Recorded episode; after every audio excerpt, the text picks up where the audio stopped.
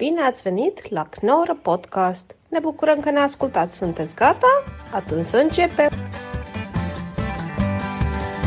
Alright. Ik ben echt oprecht een beetje zenuwachtig. Ah, ga op. Ja, dat heb ik echt nog nooit gehad.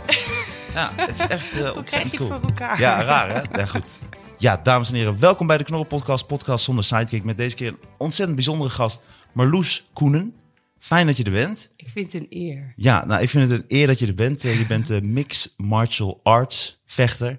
Wereldkampioen eh, in die wereld mixed martial arts, waar dus alles mag. Daar komen we straks nog even op, qua vechten.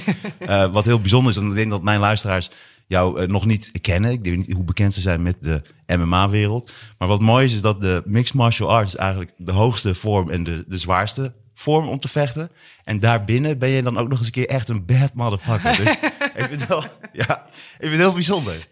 Dus, eh, dus laten we allereerst even vaststellen dat eh, jij bent gewoon een straight-up killer en ik ben een comedian. Dus, Nee, dat ben ik dus echt niet met je eens. oh, Nee. oké.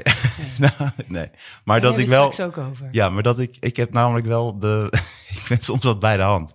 Dus, eh, dus dat je dat. Misschien moet je een soort signaaltje geven van: Oh oké, nee, nu. ja, ja, niet dat ik je geslecht. Nee, gebeurt niet. Daar hou ik van. Zit me vooral in de hoek en eh, nee, heerlijk. Ah, oké. Nee, wees gewoon heel direct. Je moet bij mij ook niet subtiel zijn, want dat snap ik niet. Ah, oké, dat is ook wees heel erg hard en lomp. Dat zeg ik al tegen iedereen. Wees hard en lomp. Ja, op bepaalde punten niet, maar oké. Ja. Maar ben je, ben je hard, hard en lomp? Ja, wel. Het is wel een kant die in me zit, hoor. Ja. Ja. Maar ook echt, ik ben heel zwart-wit. Dus er zit ook echt een hele tegenovergestelde. Er zit ook heel erg in mij. Dus de hele zachte, Ja, lieve kant. bij alles. Ja. Wa- Wanneer heb je voor het laatst gehaald? Uh, ik- Oké, dit is echt gênant. Maar gisteren bij de Kardashians zat ik te kijken. en het, het wordt nog erger. Kim had de, de babybar gehaald. en ze zat in de auto met haar kinderen. en ik had gewoon, eh, ja, ik wat weer vochtige ogen. en dat kijk ik dus, ja. En hoe komt dat? ordinaire kooivechter en ik kijk de Kardashians. En die wordt daar ook emotioneel van. ja, ik ga er helemaal in mee. Ja, nee, het is echt heel gênant. Ik vind het wel ontzettend mooi. Want ik heb, ja, ik moet zeggen, nou, nu durf ik ook wel te zeggen dan. Nee, ik, ik ben ook, ik word ook vrij snel emotioneel van sommige zaken. En op een of andere manier, als dat op beeld is en dat versterkt wordt, dus ook bij films. Ja. En, eh, en ik moest, ik denk, nou, dan vertel ik dat maar meteen. Dat was bij eh Chevchenko, toen zij won.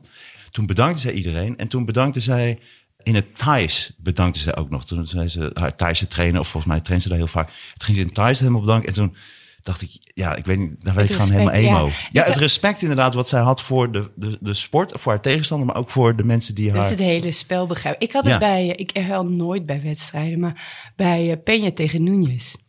Ah. Toen ze gewonnen had, en nou, voor de mensen die helemaal niks van MMA weten, eh Amanda Núñez is dubbel champ in twee divisies. Jij weet het allemaal, ik het even voor, de, voor de verschillende gewichtsklassen. Ja, ja. En die, die beukt echt alles en iedereen omver. En, eh en Peña is meer een grappler. Dat is iemand die eh, vooral aan het worstelen is en op de grond klemmetjes doet. En ik had in de aanloop daarvan natuurlijk dat bekeken. En dan maken ze ook altijd zo bij de UFC maken ze een hele mooie trailer van. En ik zag die Peña op de pet staan. Ik denk, oh meisje, je wordt zo, zo gesloopt. en ze had zo'n ontzettende grote bek, net zoals Conor McGregor dat altijd heeft. Daarom vind ik haar heel erg leuk. En eh, dus ik dacht, nou, die wordt gewoon gesloopt. Maar zij stond daar en ze had een focus en ze had gewoon zich voorgenomen: ik ga pijn krijgen, ik ga heel veel pijn krijgen, ik accepteer dat, ik ga er doorheen en ik geef niet op. En daarmee brak ze Núñez, die haar compleet had onderschat. En toen had ze gewonnen en toen zat ze gewoon nog in die focus. En het duurde gewoon even een tijdje voordat ze eruit snapte en blij werd. Nou, en dat stukje, toen brak ik. Dat vond ik zo mooi. Omdat je dan die ultieme professionaliteit ziet en dat, die toewijding. Ja, je moet zo extreem diep gaan. Eh, dat is niet normaal. Je moet zo bereid zijn. Je moet gewoon, eh, waar, waar iedereen angst voor heeft, je moet je angst accepteren. En die moet je omarmen. En dan moet je voorbij kijken. Ja, en dat vergt zoveel van de mensen. En ik, ik denk dat hè, als jij bijvoorbeeld zo'n podium opstapt. En dat je je grappen hebt voorbereid. En dat je ook van tevoren moet accepteren: oké, als er helemaal niemand lacht, fuck it, ik blijf gewoon op het podium staan. Doe je dat ook? Ja. Ja, ja, ja. Dat lijkt me fucking eng. Ja, dat is het ook. Is dat gevoel wat je dan had, dat je die emotie voelde, omdat jij daar zo vaak ook bent geweest? Ja, ja, ja, zeker. Een tijdje geleden, ik weet niet, een paar, een paar maanden terug bij Discovery, dan, nee, dan presenteer ik dan of in ieder geval geef Ja, want je bent commentator bij de, bij de UFC-wedstrijden onder andere, bij Ja. Discovery. Ja, en ik doe de analyse daar ook. En ehm, dus ik, ik schakel de tussen twee rollen. Alleen toen nam eh, Roxanne Modafferi nam afscheid. En ik heb nog tegen haar gevochten, ook twee keer. En zij is echt van de, van de eerste generatie zo'n beetje. Wel, hè, je eerste cohort en dan zit zij dan aan het einde daarvan. En die nam afscheid. Nou, toen brak ik ook gewoon in de studio. Ik zat gewoon echt gewoon met tranen. Ik zei, oh nee, oh, we gaan even door. En dat voelde de presentator. Dus die ging me even lekker in vroeten. Dat is, maar dat is voor de kijkcijfers Ja, ja, heel belangrijk. Ja, dat kun je ook niet tegenhouden. Nee. Dus nee. die ontlading die je krijgt ook na een wedstrijd, maar ook eh, als je dat dan ziet gebeuren. Ja, het is ook heel. En ik denk zeker met MMA, dat is zo puur. En dat is zo kwetsbaar. En het is zo heftig. En ik denk dat dat één, niet de reden, maar een van de redenen is waarom het zoveel mensen raakt. Ja, ja letterlijk en figuurlijk. ja. Want mixed martial arts, om even duidelijk te maken hoe, hoe jij, wat voor sport jij beoefent, dat is dus alles mag. Eh, het enige wat niet mag zijn op het achterhoofd slaan, ellebogen op het achterhoofd, het kruis bijten. en lichaamsholtes. Ja. Mogen niet. Oh, wat mooi samengevat. Ja. Ja, ja, niet in de lichaamsholte zou je mee. Hoe verleidelijk het ook is. Ja. nou, met worstelen ze hebben ze... Nou, daar ga ik me even niet in. Maar ze hebben met worstelen in de worstelsport wel vieze greepjes, zeg Ja, want ik kan me te voorstellen, bijvoorbeeld eh, als je iemands hoofd klem hebt, dat je of een vinger in het oor of wat dan ook, dat dat bijzonder onprettig kan zijn. Ja, nou, het is, met worstelen stoppen ze die vinger ook op andere plekken. Ja. Bij de mannen, ja. echt. Dat doen ze heel stiekem om te controleren. Oh, ik maak wel een indruk, hè? wel goede, heeft wel goede grip. Als soort bo- de bowlingbal noemen ze dat. Oh, ja, Ja, dat dus? Dat je dan gevreesd bent als Ja. worstelaar, als dat jouw soort van trademark is. Ja, nee, ja, anyway. Maar in ieder geval, dat mag dus vrij wij. Er mag vrij veel, maar gelijktijdig is het wel een heel strak kader. En het is anders dan met voetbal, waarbij je de scheidrechter nog net niet in zijn gezicht spuugt. Eh, in de martial arts is het wel echt, je, je bent echt wel, de scheidsrechter is gewoon de baas in de, in de kooi. En die hoef je ook maar even aan te kijken. En daar, daar ehm, conformeer je je ook aan. En dat moet ook, want je hebt gewoon een heel strak kader nodig, omdat je hele heftige dingen doet. Ja. Sto- Stoor je daar dan bijvoorbeeld aan bij voetbal? Ja, ja, ja. ja. Hoe die Nou, scheidsrechter heeft geen voetbal. enkele autoriteit. Nee, maar ja, voor, kijk, bij voetbal, ik weet er weinig van. Eh, ik kijk er nooit naar. En, eh, maar het enige wat ik weet is hoe ze altijd op de grond vallen bij eerste, Oh ja. beste tikkie. En dan, ja, als vechter kijk je er toch ietsjes anders naar. Dat vind ik ook mooi, bijvoorbeeld het vrouwenvoetbal wat nu steeds meer opkomt. Dat je ziet dat de vrouwen veel harder zijn. Die zie je nauwelijks over de grond rollen en elkaar kaarten aannaaien. Die vrouwen spelen eigenlijk veel mannelijker dan de mannen. Het is bizar. Ja, ja, nou niet mannelijke. Ze spelen gewoon beter wat dat betreft. Het is Mm. niet dat ze mannelijker zijn. Oké. Dat heb ik natuurlijk ook heel vaak gehoord. Hè? Oh, je bent zo stoer, je slaat zo hard als een man, dit en dat. En vroeger vond ik dat dan heel cool. En op een gegeven moment, toen las ik ook een boek, eh, de, de mythe van breekbaarheid. En dat gaat erover hoe vrouwen altijd fysiek onder druk zijn geweest. En daar stond ook een, eh, stuk in over eh ontdekkingsreiziger, weet ik veel, 1700 nog wat, 1800 zoiets. En die kwam, ging naar Afrika en die ontmoette daar een stam. En daar had je ook vrouwen en die vrouwen behoorden tot een groepje van eh, strijders. En dat waren, waren elite vrouwen, maar die zagen zichzelf niet als vrouw, maar als ereman. En ze waren ook heel erg gespierd en zo. En toen ik dat las, toen, toen raakte me dat heel hard. Toen dacht ik, ja, maar dat is eigenlijk wat ik ook doe. Ik vind mezelf heel stoer en ik sla zo hard als een man, want dat hoor ik altijd van iedereen. En toen dacht ik, ja, maar ik sla gewoon zo hard als een vrouw. Ik sla heel hard, punt. Je slaat zo hard als een mens. Ja, en hetzelfde met vrouwenvoetbal. Nee, het is gewoon voetbal voor vrouwen. En in het MMA toen... ehm, ik was in Amerika kampioen geworden bij Strikeforce. En op een gegeven moment... eh, de UFC kreeg, ging de competitie aan met Strikeforce. UFC was natuurlijk altijd het aanmerk, maar Strikeforce ging heel erg hard. En zelfs in de heavyweight division eh scoorden ze op televisie beter met de kijkcijfers dan de UFC. Dus op een gegeven moment kocht de UFC eh, de concurrentie. En wat je toen kreeg, en dat was nog in de periode dat Dana White zei... Oh, Ja. willen geen vrouwen, de divisies niet. Dat is de baas van de UFC inmiddels. Ja, ja. ja. altijd eh, zo'n beetje al. En wat je toen zag gebeuren is dat... toen zetten ze op een gegeven moment wel de poorten open. En in het stuk daarvoor toen eh heet het ineens niet meer MMA... maar WMMA, Women's MMA. En dat wist ik vanuit dat boek, hè, De Mythe van Breekbaarheid... dat op het moment dat vrouwen de sport binnenkomen bij mannen... dan gaan ze allemaal regels verzinnen. Dus de basketbalvelden werden kleiner. De rondes voor tennis, hè. een man kan vijf Mhm. Sets spelen en een vrouw niet. Nou, eh, wij bewijzen in het MMA wel anders. En dat gebeurde dus ook binnen het MMA. En ineens kwam die W ervoor te staan. En eh, ik zat bijvoorbeeld toen in die tijd ook bij Ariel Houani. En dat zei ik het ook. En zijn reactie was een Ariel Houani's... Grote journalist Ja, in de vechtsportwereld, Ja. ja. En eh, die zeiden ook, ja, maar hoe noemen we dan eh, de 135 LBS-kampioen? En ik was gewoon verbaasd. Ik dacht, ja, die heeft een naam, weet je. Maar ik sloeg, op dat moment sloeg ik dicht. Want ik dacht van, zelfs iemand die heel open-minded is als Erwin Hoani snapt het nog niet. En je ziet het nu nog steeds, hè, dat vrouwen dan zich heel erg eh, roze dingen aantrekken, veel make-up erop en noem maar op, omdat ze zich ergens voelen dat ze zich moeten conformeren, omdat ze al zo ver buiten dat hokje zitten van waar jij moet voldoen als vrouw, dat ze heel erg gaan overcompenseren op het gebied buiten het MMA. Maar zie je dat dan niet dat die ontwikkeling nu wat sneller gaat, dat dat minder wordt? Ook als je de wedstrijden ook ziet. Nou ja, als je jouw wedstrijd vervoer ziet, extreem spectaculair. Je weet, Ja, het begin, je het einde ging beuken niet zo lekker. Holy shit, hè? Maar, eh, maar dat het, het, het spektakel is ook heel groot. Ik zie wel dat de, de dameswedstrijden, of de, voor de vrouwenwedstrijd. Mag zeggen ja, wat je wil, ik Ja, nee, maar, maar ik bedoel, die, die- dat is net zo hard beuken en. Dat is een ontzettend gaaf partij. Ook als je Chevchenko eh, ziet. Maar daar had ik dan even een vraag over. Maar jouw, jouw bijnaam was dan bijvoorbeeld de female Rickson. Rickson Gracie, Ja. dat was een, een worstelaar. De BJJ-vechter. Wat, een BJJ? Ja, Braziliaans Jiu-Jitsu. Ah, oké. Ja, en eh, zij hebben eigenlijk zij hebben de UFC gevonden. Zij zijn eigenlijk de founders van de UFC. Ah, oké. En, ehm, en dat is ja, eh, Braziliaans Jiu-Jitsu. Dat- De, de, de Gracie family, als je in die sport Gracie laat vallen, dan valt iedereen op de grond in ah en noem maar op. en, eh en Rickson Gracie was zeg maar de held. Die heeft ook in Japan ontzettend veel gevochten. En, en die hele familie, alle namen beginnen met R, Rickson, Royce, noem maar op. Ah. En, eh, en ik, omdat ik vaak op de armbar won, eh, werd ik zo genoemd. Maar is het dan niet als dat je bijnaam is, dat je denkt, dan heb je je bijnaam, ben je de, de vrouwelijke en dan de man? Ja, ja, ja dat in die tijd. Kijk, we spreken nu jaar 2000, hè, dus dat is heel veel van die wedstrijden staan niet op YouTube en noem maar op. Eh, dat was een hele andere tijd. Ik heb het gevoel dat er meer op YouTube staat dan je denkt. Ja, oh, jij kijkt Ja. nooit. Nee? Ik, want zelfs, daar, daar komen we er straks even op, want daar wil ik zeker over praten. Eh Koenen versus eh, Becky Levy. Oh ja. Eh, die staat ook op YouTube. Ja, ja, dat was wel echt een hele dikke partij. Ja. Ja, daar gaan we zo dadelijk over, over hebben in ieder geval. Eh, maar dat, dat, ik bedoelde mee met dat je bijnaam is dan gewoon van, van een man. Dus je bent dan de vrouwelijke versie van... Dus dat lijkt me dan ook een beetje een soort kut. Dat ik denk van, je wilt toch liever gewoon de killer maar- Marloes. ja, nee, zeker. Maar in die tijd was er gewoon geen equivalent. Er was niemand Hmm. tegen... Ja, die had, die had natuurlijk wel Irma eh Verhoef, maar die was niet kampioen, om het maar even zo te zeggen. Maar zij was wel voor mij een Dat was de oma van Rico. De vrouw van Bob Schrijver. Is dat de vrouw van Bob Schrijver? Ja, ja, ja. ja. Ah.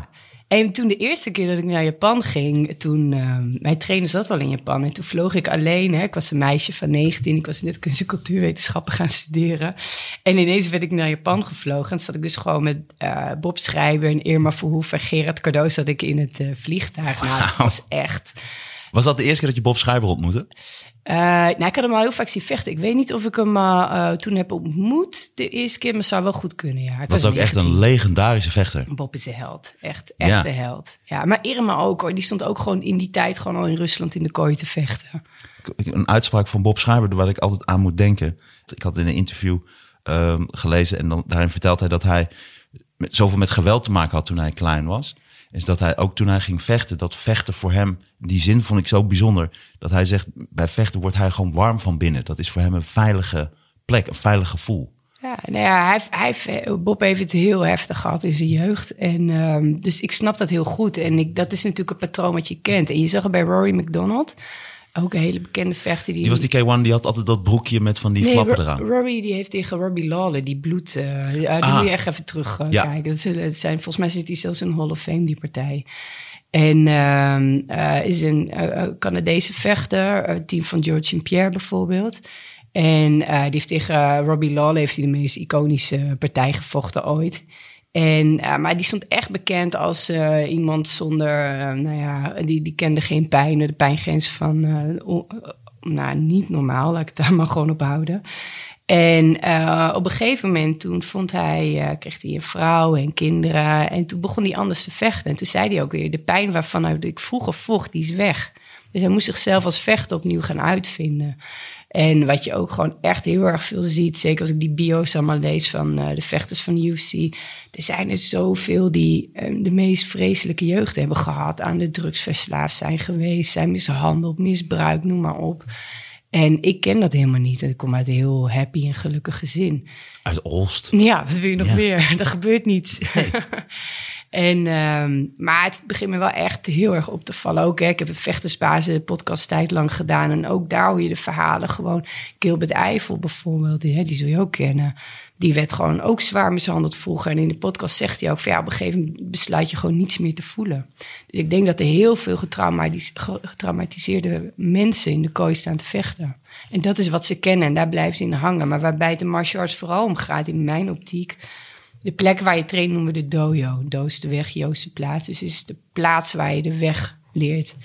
En voor mij betekent dat, het is een plek van persoonlijke groei. En heel veel vechters hebben heel veel kennis in hun lichaam zitten, maar die missen de woorden om zich daar bewust van te worden. En als je ze die woorden aanreikt, dan snappen ze het beter dan wie dan ook, want ze hebben het doorleefd in hun lichaam. Um, maar dat blijft, dat blijft wat een beetje latent, zeg maar. En, um, en dat vind ik soms best wel pijnlijk om te zien ook. Want, want op wat voor momenten komen dat, komt dat er het meeste uit? Nou ja, dat is wat Bob zegt. Ik word warm van binnen. Ja. Dat is wat hij kent, daar voelt hij zich goed bij. En dat zie je natuurlijk ook bij uh, de Body Keeps Score. Iedereen heeft het boek nog eens een beetje gelezen. En daar, die man heeft het ook over martial arts. Hoe dat een tool voor heling kan zijn. En uh, De Tijger ontwaakt is ook een boek over traumatherapie. Hebben ze het ook over yoga en, en martial arts komen iedere keer terug als tools om te helen. Ja. En dat sluit voor mij naadloos aan bij het begrip dojo. En hoe zit dat bij jou als het gaat over pijn? Wat, hoe hoog is jouw pijngrens? Want ook als je je wedstrijden kijkt, jij knalt er echt zo keihard in. en uh, ik, ik, had, ik heb van een, denk ik, van nature best wel. Uh, nee, nee, dat is gelogen eigenlijk. ik ben heel sensitief. Ik ben heel sensitief. Alleen ik heb ook een bepaalde mindset. En die mindset zorgt ervoor dat ik heel hard ben. Alleen ik heb nu een total mombat. Als je me nu low geeft, ga ik op de grond. Dan lig ik platte janken. ben niets meer gewend. Nee. Maar in die tijd, ja, ik kon heel, heel, heel veel hebben. En, en hoe komt het dan? Want, want je groeit op in Olst. En jouw, jouw broer vocht, jouw vader uh, jouw opa vocht. Ja. En, uh, maar, maar je bent vanaf je dertiende pas echt gaan vechten. Maar het, je, je, je, je, ziet er dan uit. Ik word er helemaal zenuwachtig van. oh, gek. Ik denk alleen maar, het houdt mijn stemmen, het houdt mijn stemmen. Daar word ik zenuwachtig van. Nee, oh, nee. je stem houdt helemaal Nee, omdat het een... Uh, je, je, je ziet dat dat soort in jouw systeem zit. Ja, en weet je wat ik ja, jij begrijpt in ieder geval ja, ik snap, ja, ik snap compleet wat je bedoelt. Alleen wat ik zelf denk, wat ik altijd zeg, iedereen is een vechter. En uh, heel veel mensen ontkennen dat. Hè. Ik, ik hoor al twintig jaar, oh, ik ben een pacifist. En oeh, gevaarlijk wat je doet en noem maar op. Maar dat is allemaal projecties, allemaal angst van mensen. En wij uh, wonen in een land, een heel Calvinistisch land. We communiceren op armlengte afstand. We zitten niet in ons gevoel. En we hebben onszelf verteld dat we hele geciviliseerde mensen zijn. Mm. Het zijn we helemaal niet. We zijn gewoon mensen. We hebben twee armen, we hebben twee benen, we hebben emoties. We, ja, we zijn gewoon dieren. Je kunt nog even verder gaan. Wel. Ja, ja. Nou, maar dat is het echt. En, um, en op het moment dat je die lagen af... Ik noem dat altijd de identiteitslagen. Dat je die lagen afpelt en je komt echt bij die kern van... Ja, maar wie ben ik nou echt? Wat, wat voel ik nou van binnen echt? En um, dan pas kom je bij uh, je werkelijke kern aan. En je zult daar ook erin vinden dat er een bepaalde kracht in je zit. Een bepaalde alfa-energie die jou vechter maakt. En hoe vaak je die energie naar boven haalt, hoe meer het nou uh, beklijft ook aan die bovenlaag. En hoe bewuster je ervan gaat worden. Uh, als je de dojo uitstapt, ga je dat zonder dat je door hebt, straal je het ook uit. Mensen hebben een andere, andere interactie met jou.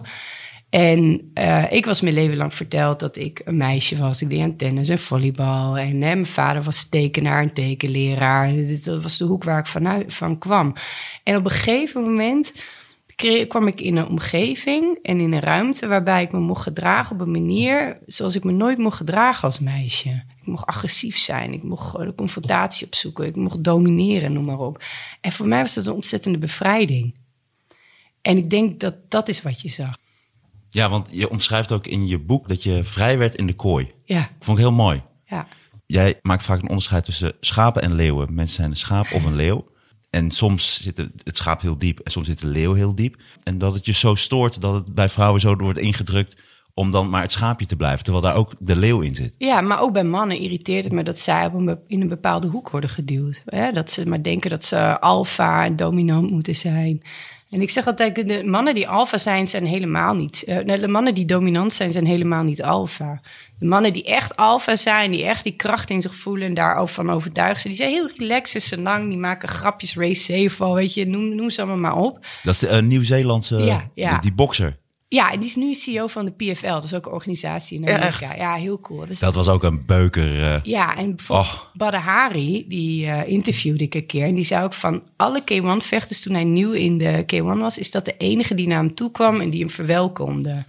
En ik heb hem ook in, toen ik in Strikers vocht, heb ik hem ontmoet en gesproken en zo. En dat is echt, dat, die man is, als je het over alfa hebt, die is echt alfa. Maar ook een hele warme en sociale man. En ehm, Maar je omschrijft ook jezelf nu.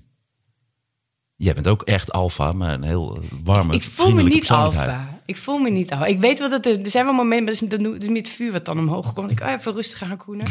maar eh, Ja, want jij kan, dat vond ik ook mooi omschreven. Jij kan binnen één seconde kun jij Ja. op de full, full aggressive modus eh, ja, gaan. ja, ja, maar dat kan uiteindelijk iedereen. Alleen ik heb dat jarenlang getraind. Ja. Dus eh, Wat, welke, welke knopjes, eh, gaat vanzelf. maar welke zijn het, het grootste, het knopje die als je die half indrukt, dan uh, Als boem, is mensen onbeschoft zijn. Ja? Ja, daar heb ik zo'n hekel aan. Ja, heb ik echt. Maar ik zal het nooit doen hoor. Maar, en, maar ik Dan heb ook- je het vrij moeilijk hier in Amsterdam eh, over- overdag. Ik moet me heel vaak inhouden, ja. God, ik moet me ook echt inhouden. Als ik dan zo- zo'n beide hand kutjong zie rondlopen. en die ziet mij en ik denk, oh, dat is een vrouw. Dus nee, ik zie er niet gevaarlijk uit. En dan dat ze dan niet aan de kant gaan. Dan moet ik echt mijn ego aan de kant zetten. Dan denk ik, nou, Loes, je bent 41 jaar nu. Je gaat toch geen schouderduw geven? Je doet het niet. Je gaat gewoon, wat hij verwacht, je gaat gewoon aan de kant. Geen bloedjoke. Ja, maar dat heb ik wel. Maar dat heb ik van mijn partner Roemer geleerd. Die heeft echt, die interesseert het allemaal niets. En die weet gewoon, als het moet, dan s- nou ja, beuk ik alles en iedereen. Maar soms krijg je toch wel de behoefte om even Ja, één klein echt, ja, vingertje ja, te ja, breken. ja. Gewoon iets snels. Nee, nee, maar ik heb wel echt. Nee, maar ik heb wel eens gehad hoor. Dat ik, maar vaak snap ik er dan uit. Dus het is dan, dan iemand die. Ik weet nog, ik was pas bevallen. Het is ook weer. Nou, het is een verhaal wat met eh ontzettende anticlimax eindigt. Ik zeg maar vast. Dat is mijn werk, hè? Bij jou gaat het net de goede kant op. Maar ik, ehm, we hadden de dojo nog en ik had les gegeven. En eh, dat was echt een paar maanden na mijn bevalling. Dus ik was nog helemaal big en eh, helemaal niet in shape. En ik liep ook nog met allemaal papieren onder mijn armen. Naast me liep een, liep een, eh, een jongen die had meegetraind. En, en we liepen over straat. En het was op een hoek. En we liepen richting huis beide. Ja, gezellig aan het kletsen. En ik was moe. En er stond dan op de hoek zo'n groepje jongens met scooters en noem maar op. En ze stonden zo gepositioneerd dat wij over het fietspad moesten. En dat gaan we dus niet doen. wij gaan niet over het fietspad omdat jij zo'n fucking aso bent.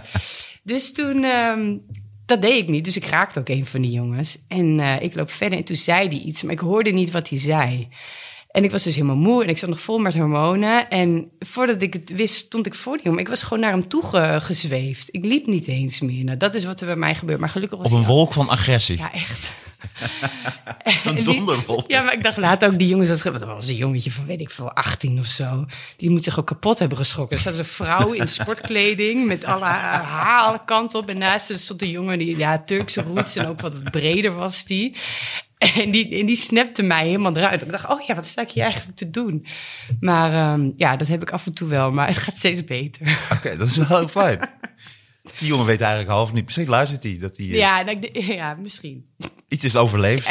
Ja, hij is er goed uitgekomen. Ja, maar dat zijn echt de enige dingen. Maar dat is het echt dat mijn lichaam het overneemt. Maar voor de rest ben ik echt wel in control. Maar dat is, ja, je bent in control, dus het is nog niet helemaal Jekyll en Hyde. Maar je, je hebt wel echt twee extreme kanten dus. Ja, maar ik ben heel zwart-wit. Er zit niks tussenin. Mooi. Het is niet altijd even mooi. Wat, wat, wat vind jij dan bijvoorbeeld op televisie een sterke dame op dit moment? En ja, het Soendos in. eh, ik vind Ja. haar fantastisch. Ja. Ik vind Ja. haar fantastisch. Ja, dus waar- wat is, eh, Nou, dat is ze ook. Dionne de Graaf vind ik ook heel cool. Eh, Sophie Hillebrand vind ik heel cool. Ja. Ja, ja, er zijn er heel veel die ik eh, heel tof vind. Ja. ja, en gewoon ook sterk over vindt komen. Linda de Mol. Ja, Oh, die, ja, dat vind ik zo'n heldin. Zij is echt badass. Ja. ook nu nog, want ja, die heeft het echt zwaar nu. Ja. Ja. maar kijk, zij is, zij is van jongs af aan heeft zij een podium gehad. En ik ken haar natuurlijk totaal niet. Ik lees haar blad ook niet en al die dingen. Ehm, maar ik heb het idee bij haar dat zij ook ehm, zichzelf zo ontwikkeld heeft dat ze, ehm, ja, altruïstisch is geworden. Mhm. Zij kan teruggeven en zij is haar ego voorbij. Dat is het idee wat ik bij haar heb. En dat vind ik echt heel erg knap en heel erg mooi. Ja, ik, ik, en ik, eh, nou, ik denk dat ze deze hele mooie woorden graag in haar zak steekt nu op Nou ja, als eh. iemand het wel... Ja, ik hoop dat ze het hoort. Want als iemand het wel verdient, is zij het wel. Ja, nee, dat is echt een hele pittige tijd eh, voor haar. Maar hoe, hoe kijk je daarna tegen dat soort zaken en zo? Omdat het nu helemaal natuurlijk en Me Too en... Het is heel goed wat er nu allemaal gebeurt. En er vallen heel veel slachtoffers, ook aan de, de mannelijke kant. Alleen we zitten nu in een, in een, in een revolutie. En dat gaat even heel erg, heel zwart-wit gaat het nu. Maar ik denk dat we straks op een mooi gemiddelde zitten. Waarbij er wel wat verschoven is in, in onze maatschappij. Wat heel nodig verschoven moest worden. Hoe zie jij dat? Nou, ik denk dat je daar gelijk in hebt. En ik zie dat ook. Dan vind ik het alleen jammer dat je dan weer met zo'n VI-rel, dus met zo'n Derksen, denk ik weer, dan krijgt het toch weer even een klap. Kijk, als je het hebt over een sterke vrouw, dan denk ik, als ze dan die rel hebben gehad en dan nodigen ze een aantal vrouwen uit, dan denk ik, ja, dan zou ik wel ook iemand als jij willen zien die daar zit. En denk van, ja, lul die er even onder dan. Snap je? Dan denk ik van, nodig dan ook even een paar powervrouwen uit en ga daar de discussie mee aan. En niet, bijvoorbeeld Helene van Rooij zat er dan, vind ik ook een hele aardige dame en, eh, en cool. Maar, eh, maar dan denk ik, ja, het is niet een powervrouw die even opkomt voor, eh, voor, de, voor de vrouwen die even zegt van, hey, fuck jullie allemaal. En eh, ga, die, die ze even op de pijnbank legt. Ja, ja nee, ik, denk, ik denk dat je daar vooral iemand moet hebben die eh, heel eloquent is. En heel veel naar. Hoe heet die ene vrouw die eh, altijd schrijft die columns? Zo'n jonge vrouw is dat. Die eh, studeert in Amerika ook, of promoveert daar. Die heeft ook zeikschrift. Zo iemand moet je daar neerzetten. Ik vind haar heel sterk. Ja, ik zou even die naam straks even opzoeken. Ik weet wel wie je Ja. bedoelt, maar nu weet ik die naam ook niet. Ja, nee, Ja. ik weet nooit de naam. Dus Maar dat zou je dan ook maar. Zou, je, zou jij in die positie willen zitten? Nee, nee, nee. Want ik ben. Op een gegeven moment ben ik er gewoon klaar mee. Ja. Dan word ik er ook niet meer. Dan ga ik niet meer heel eloquent en. Dan word je handtastelijk. Nou ja, nee, nee, nee. Nee, maar dan word ik gewoon agressief op een gegeven moment. Dan heb ik het gehad. Dan is, de, dan is de grens bereikt en dan ben ik ook niet meer netjes. Dan scheld ik je ook gewoon voor. Ja, maar dat is dan toch ook misschien nodig? Ja, weet ik niet, maar ik heb helemaal geen zin om daarin te zitten. Jij wil de revolutie niet leiden. Nee, nee, ik doe het op een andere manier. En ik doe dat met martial arts. En dat is eh, een manier die... Kijk, ik heb geen zin om in hokjes te denken. En als ik iets wel heb geleerd in de dojo... en in de reis die ik daarin heb... de dodo, de weg, die ik daarin heb gemaakt... is dat we echt... en het is een open deur, maar je moet het doorleefd hebben. Dan snap je het pas. We zijn allemaal mensen. En de meeste van ons hebben twee armen en twee benen. En that's it. Dat Ja. is het echt. En, als je, en ik heb het gezien in mijn dojo. Je kunt in een soort van microcosmos kun je bepaalde eh, regels eh, hanteren. Dat kader waar ik het over heb. En dan kan ineens alles en iedereen kan samengaan. Echt waar. Alles en iedereen heeft respect voor elkaar. Als je maar gewoon heel duidelijk bent over de regels. Dit is oké, dat is niet oké. Dat verwachten we van je. Je bent hier veilig en we maken plezier. En dan krijg je echt een heel ander beeld. En dus wat dat gaat, is het heel positief dan wat er dan nu gebeurt. Dus ook met zo'n VI-rel, maar ook met de Voice-rel en met Linda en wat dan ook. Dus dat er nu wel duidelijkere regels komen van Ja, hoe ja, je met ja. elkaar omgaat of wat consequenties zijn. Ja, en ook de veiligheid. Hè? Dat is het. Ik zeg altijd van, mensen vinden het doodeng om een dojo binnen te stappen. Dus wij zorgden dat voor dat, toen we dat nog hadden, dat het heel plezierig was. Want als je, als je plezier hebt, voel je je veilig. En als je je veilig voelt, dan heb je een intrinsieke motivatie om vanuit jezelf die stap verder te zetten. Om vanuit jezelf die grenzen te verleggen. En ik kan er wel als een drill instructor gaan staan en schreeuwen. En dan geloof me, dan, dan doet iedereen ook wat ik zeg. Maar dan kom je thuis en dan denk je, ja, heb ik dat nou gedaan of heeft, zij, of heeft zij dat gedaan? En die groei moet van binnenuit komen. En ik geloof er heel erg in dat als mensen ehm, een wekelijkse uitlaatklep hebben... waarin ze echt contact gaan maken, hè, waarin je elkaar aanraakt... waarin je in een eh, eh, kwetsbare maar veilige omgeving bent... en je gaat zoeken, je gaat bewegen, je gaat uit het hoofd en in dat lichaam... Daar kunnen zoveel mooie dingen plaatsvinden. En dat, daar heb je veel meer aan dan elkaar, weet ik veel, eh, op Twitter helemaal de maat nemen en te gaan schelden. Dat is denk ik ook nodig, maar dat is niet mijn weg. Ik wil Nee. het op een meer fysieke manier doen. Ja, maar je hebt wel gelijk dat inderdaad mensen elkaar toespreken vanuit een veilige haven thuis. En de live confrontatie niet aangaan. Terwijl die heel anders zou zijn. Dan, dan hou je je veel meer in. Je, je gaat, bent toch wat minder stoer als je recht tegenover iemand staat. Je voelt de energie van de ander. Ja, Ja, Ja. ik zeg altijd, vechten is het omgaan met energie. En dat energie is niet alleen de, hè, de biokinetische energie van hoe je knokkel op elkaar knalt. Eh, dat is ook gewoon, als, als je in de kooi de face-off, mensen zijn helemaal gefascineerd door De stare down. Ja, de stare down.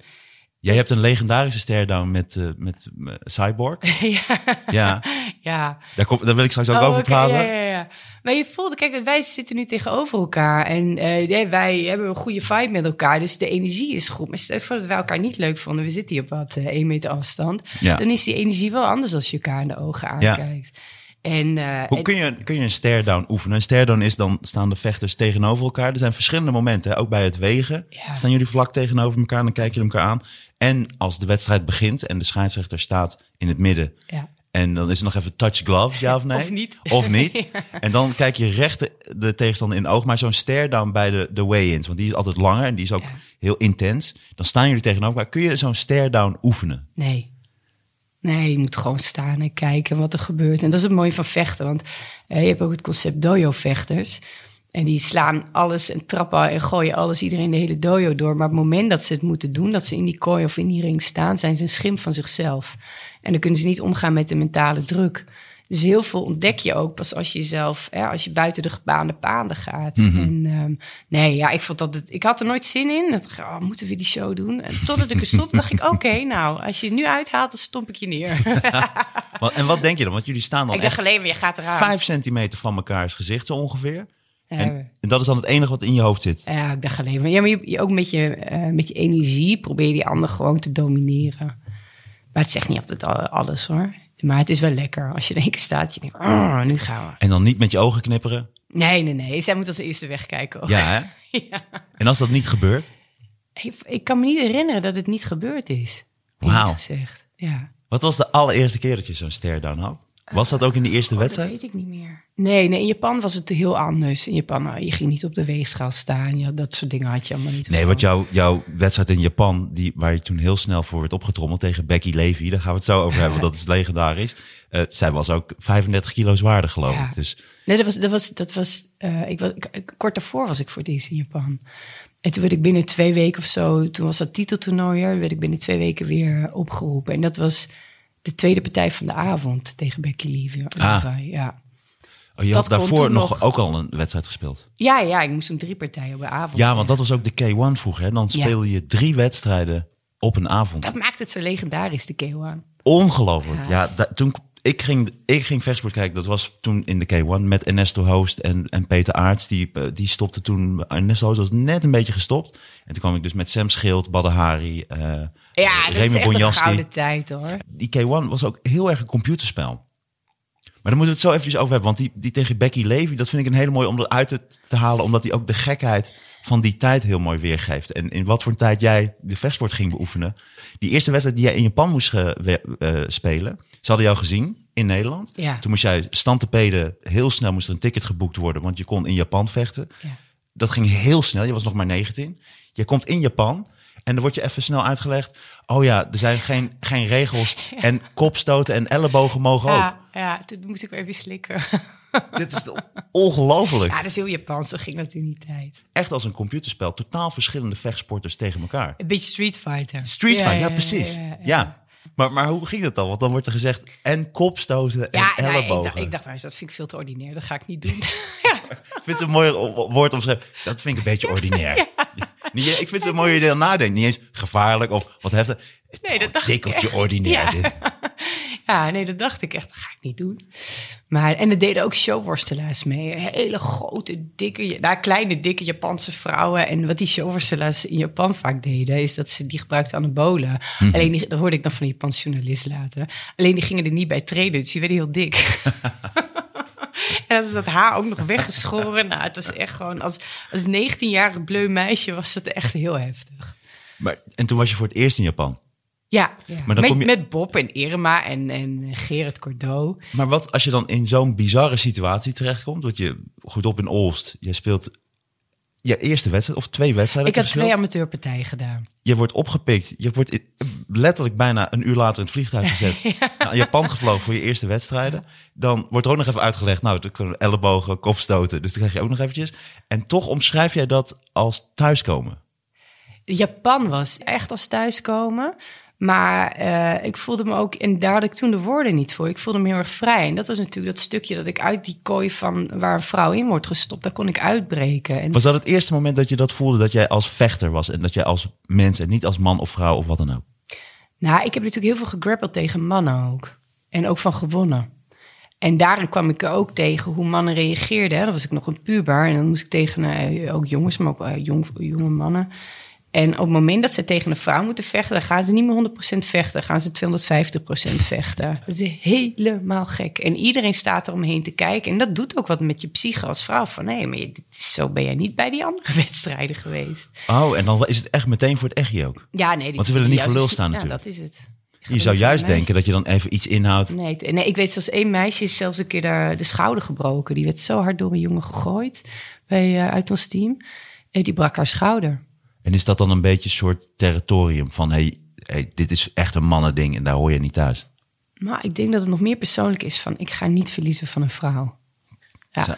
ja, ja, het is- ja, dat is heel... Ja, ja, toen dacht Dat ik... vormt jou wel, want dan heb jij ook echt... eh, Ja, maar ik had twee oudere broers, hè. Dus ik, ik, ik ben Ah. heel erg gewend. Ik ben met mannen opgegroeid. Dus ik vond het niet zo heel heftig op die manier. Ja, en nee, ik ben vaak genoeg gepeukt door mijn broers, zeg maar. En is dat dan een beetje wat ik, wat ik in het begin opmerkte... dat jij vanaf je dertiende jiu-jitsu, Braziliaans jiu-jitsu ging doen. Dan ging je echt de vechtsport beoefenen. Maar dat je dan daarvoor eigenlijk ook al, als baby al wel eh daar in aanraking mee kwam. Jawel, ja. Niet, niet, kijk, Arno die ging op een gegeven moment in Groningen studeren. Mijn oudste broer, die ging aan karate doen en later kickboksen. En dan deed hij die trappen in de tuin, hè, deed hij voor. Dus ik wilde eigenlijk met kickboksen beginnen. Dat vond ik het coolste.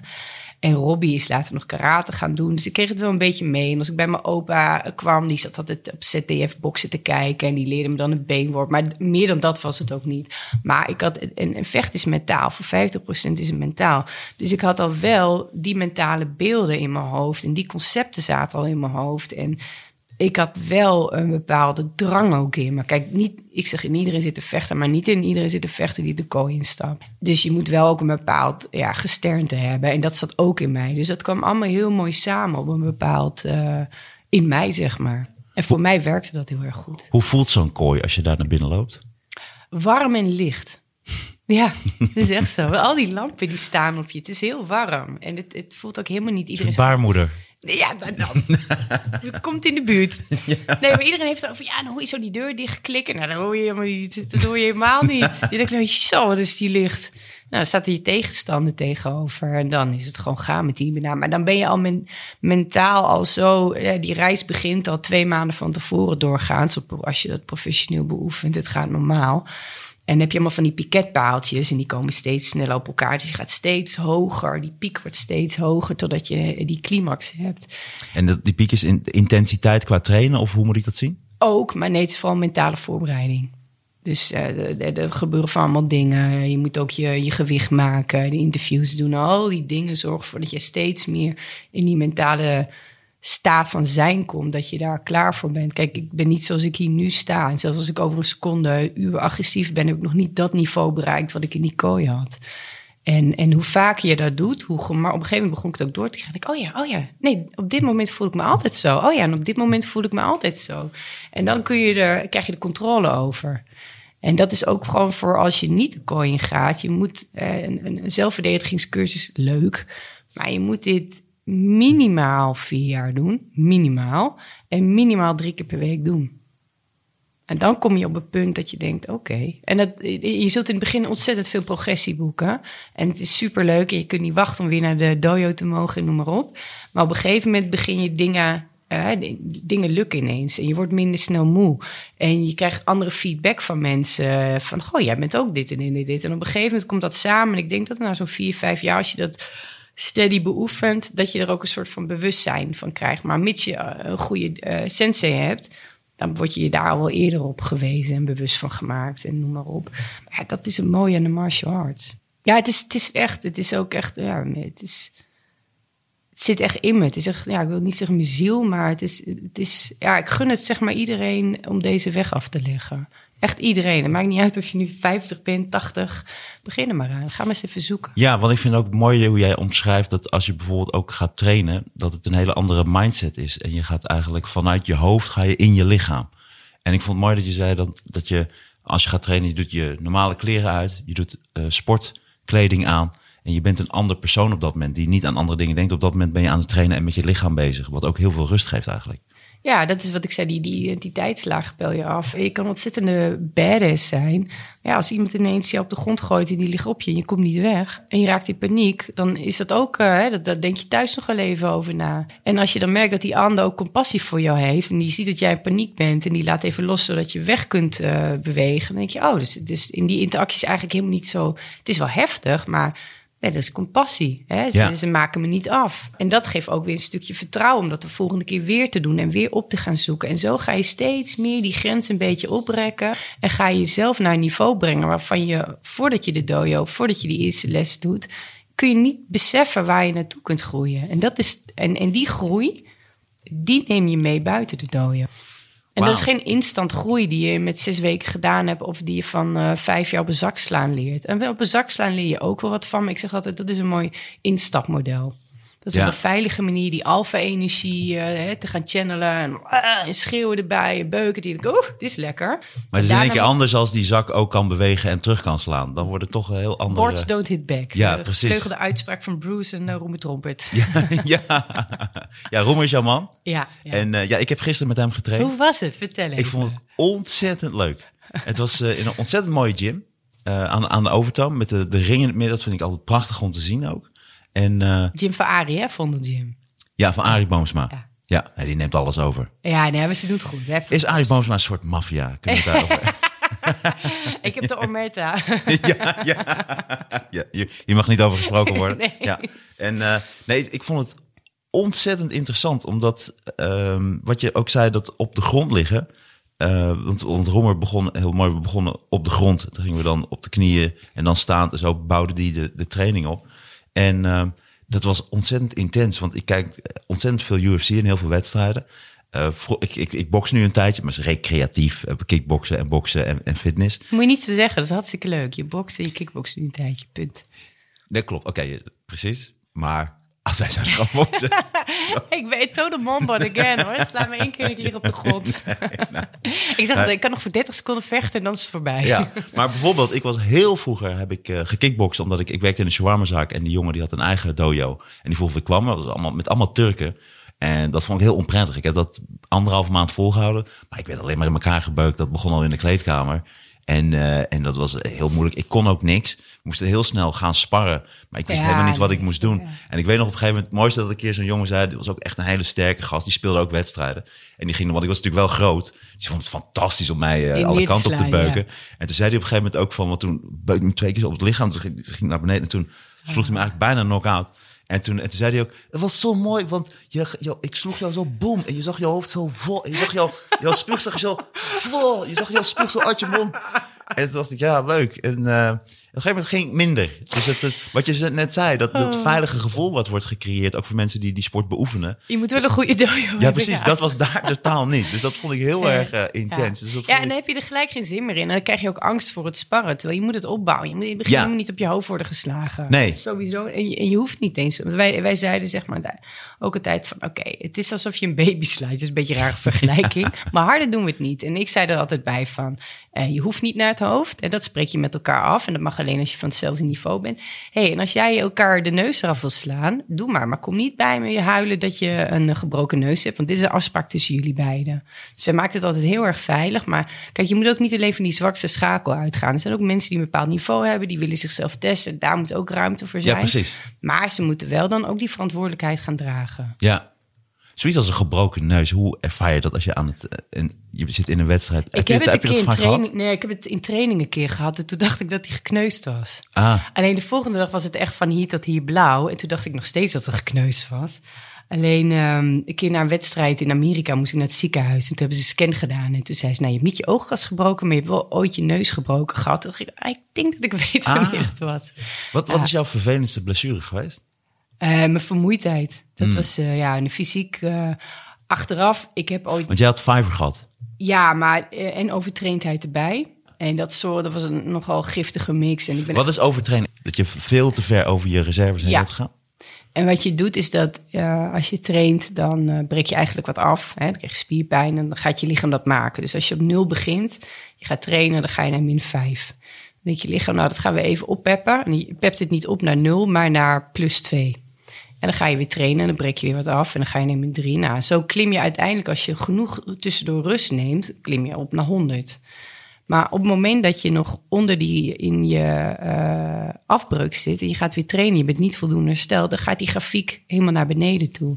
Dat is eigenlijk wat je met overtraindheid doet. En Ja. dat, dat, dat, dat kan eh, dat je s'nachts wakker wordt. Hè? Dan heb je, is je hele shirt nat, en je bent moe, je hartslag is meer dan 10% hoger dan normaal. Alleen bij mij was het, ging het echt compleet de verkeerde kant op. Dus ik kreeg ook echt gewoon ja, een soort epileptisch aandoende eh, doenende aanvallen. En dat heb ik eigenlijk mijn hele carrière gehad, omdat ik niet wist wat er aan de hand was. Maar ook die trainer zag dat ook niet. Nee, en ik kom ook uit een... eh jawel, nou ja, ik viel ook wel op de mat neer. Hoor. Dan lag ik daar te shaken. Het was niet zo heftig. Thuis was het echt heftig. En dan was het... Het is extreem wat ik heb meegemaakt. Maar op de mat zat ik ook wel gewoon te shaken. En eh, Is het dan ook het probleem van een vechter dat je die zwakheid niet laat zien? Dat het dan ook veel verder doorgaat? nou ja, dat. Ik, omdat je, je mag pijn niet ervaren. Dus je, moet- je krijgt een discrepantie tussen wat je lichaam je aan signalen aangeeft... en wat je hoofd accepteert. Daarom zijn vechters hard. Ehm, en dat zorgt ja, heel eh, dissociatief bijna wordt het. Alleen het is dus heel erg belangrijk om dat wel te benoemen. Hè. Jan Blachowicz, eh, voormalig UFC-kampioen in light heavyweight divisie... die werkt nu met een, eh, ehm, met een coach... die hem gewoon zijn mind... ja, het is geen psycholoog, dus nou, ik noem hem even gewoon coach... En je, eh, Shevchenko doet dat ook met diezelfde coach. En je ziet dus nu dat er een ontwikkeling gaande is. Dat vechters beseffen van... hé, hey, ik moet wel even... Ik ben niet alleen die machine die vecht, ik ben een mens. En die moet ook rust hebben. En ook mentale rust. En ik, hoef, ik mag erkennen dat ik pijn heb. En ik mag erkennen dat ik verdrietig ben. En ik mag erkennen, noem maar op. Nou, en ik kom uit de tijd dat dat dus niet zo heel erg erkend werd. Zou dat anders nu zijn geweest? Want dat, daar moest ik ook aan denken, omdat ik jou... Ik, ik, ik vind bijvoorbeeld Shevchenko vind ik een soort Marloes Koenen 2.0. Ah, ja, zij is wel echt... Ook zo all, allround en zo zo, sterk. En ook qua, qua vechten. En, eh, en zie je dat ook een beetje zo? Dat stel, als jij 15 jaar later was begonnen met, eh, of stel je was 15 jaar later dan geboren, dat jij nu in deze tijd met andere trainingsmethodes en dat er ja. veel meer kennis over is. Ja, ja. ja en het is ook... eh, ja, dat is een lange verhaal kort. Ja, Ik heb, ik heb 99% van mijn carrière heb ik die aanvallen gehad. En de angst die ik altijd had als ik de kooi in ging, was niet. was natuurlijk verliezen, dat wilde ik nooit. Dat is al verkeerd, hè? je moet van winnen uitgaan. Maar ik was altijd bang dat ik een eh, aanval zou krijgen in de kooi. En ik heb het een keer, ADCC, dat zijn de wereldkampioenschappen grappling. Ik heb het een keer gehad op de mat. Dat was in eh, Philadelphia. Dat ik aan het einde van de wedstrijd ik had gewonnen. Toen begon ik ook echt zo te shaken. Toen heeft mijn trainer me ook echt van de mat getrokken en in een hoekje geduwd, zodat niemand dat zou zien. Want dat was mijn grote angst. Als iedereen wist hoe. Want ik dacht, oké, even aan het begin beginnen. Ik eh, bleef vermoeid. En toen ging ik naar de huisarts. En de huisarts die stuurde me door naar een neuroloog. En die neuroloog was een hele hautaine man. En eh nou, allemaal testen gedaan. En die wist het allemaal niet. En hij zegt, nou, eh, misschien heb je Gilles de la. Ik weet het niet zeker. Ik neem het niet op in je dossier. Maar het kan ook zijn je reis. Dus misschien heb je wel een parasiet.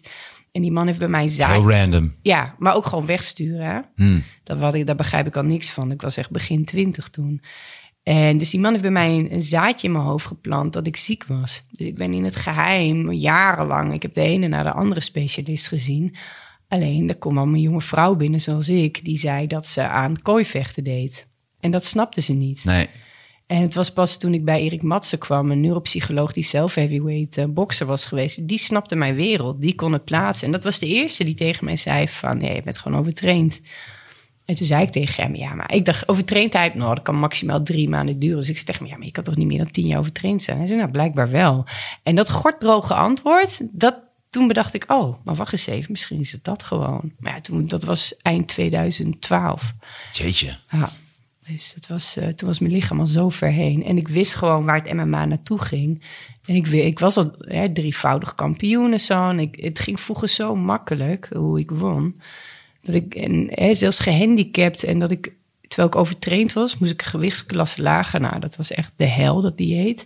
En dan werd ik nog steeds wereldkampioen. Wauw. Dus ik kon het heel makkelijk aan. Dus, en dat maakte dat ik op een gegeven moment zelf ook ging overschatten. Van, nou, ik weet dat mijn lichaam kapot is en ik weet dat het op is. Ik weet ook waar MMA naartoe gaat. Ik wil nog één keer die klapper maken. Ik wil nog één keer kampioen worden. En zij zijn toch niet van mijn niveau. Let's go. Nou ja, Wauw. toen heb ik meegekregen dat het niveau iets omhoog was gegaan. En dat mijn lichaam toch echt iets te kapot was. Wauw. Want dan heb je dus in 2010 tegen Cyborg Toen was je dus overtraind. Zwaar En overtraind. in 2013 was je daar eigenlijk net, toen wist je die, wat je, 2013 was het, toen had ik... eh, dat was de tweede partij tegen Ja, maar toen had ik mijn knie had ik kapot. En ik had Ah. een eh, kankergezwel in mijn nek. En eh, Oh, man. ik moet even mijn neus lopen. Ja, dit is dus van de kap... kap- Moet ik even een doekje nee, ik heb... Wacht even. Ah. Dit is ook weer heel verhaal. Ik kon nooit ademen waarschijnlijk door kapotte neus. En toen eh, eh, ben ik geopereerd. En dat heeft die dokter verneukt. Dus vandaar. Fuck hem. Kom je nog wel een keer Dat is een tegen. vrouw, ja, echt wel.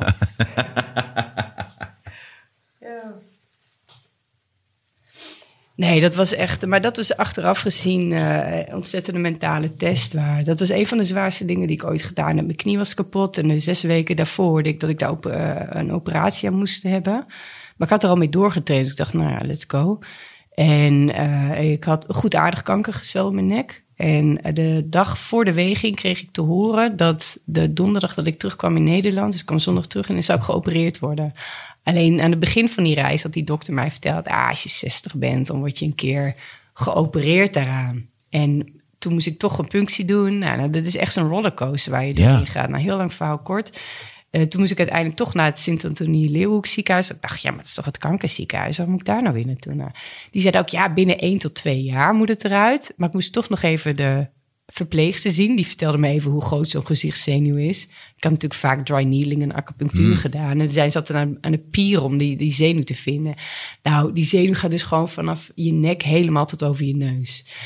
En ehm, toen dacht ik, nou, dan oké. maar ik was zo in die focus van die wedstrijd. Ik dacht, nou ja, eh, één, twee jaar dan. Hè? En toen was ik in Amerika. Toen kreeg ik dus ineens dat bericht dat ik geopereerd zou worden binnen zes dagen of zo. En de eigenaresse van, dat was Invicta, die, dat was toen een vriendin van me, althans ik dacht dat het een vriendin was. Die, moest die, die was in het begin van Invicta, dat is All Female Organization, hè, dat is gestart met mij, bla bla bla. En die moest weer een, een kaart vullen. Dus die heeft die partij tegen Cyborg. Zij wist dat ik had gezegd: als ik met pensioen- mijn laatste partij, als ik met pensioen ga, dan wil ik tegen Cyborg vechten. Dat wist zij. Op een dag werd ik wakker, dus op mijn hele timeline op Twitter vol. En was die partij aangekondigd en ik wist van niets. Dus dat was er gebeurd. Ik, eh, en dan, dat, Dat was die dus- tweede partij. Ja, en dat was dus mijn ego die zei: ja, nu moet ik wel. Ja, natuurlijk. Toen kreeg ik dus te horen dat ik een kankergezwel in mijn nek had. Goed aardig. Eh, toen ging mijn knie nog een keer kapot. En drie weken voor de partij kreeg ik ook nog een scheur in mijn oog. En dat duurt vier weken om te helen.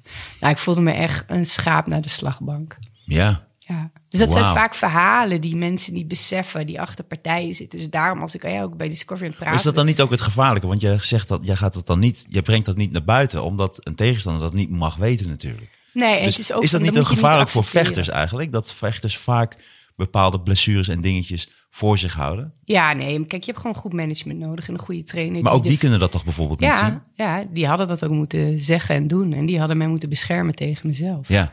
Dus daar zijn echt, nou ja, nee, maar dat gaan ja, maar die leid jij dan toch ook een beetje om de tuin? Dat, Nee, die wisten alles. Hmm. Ja.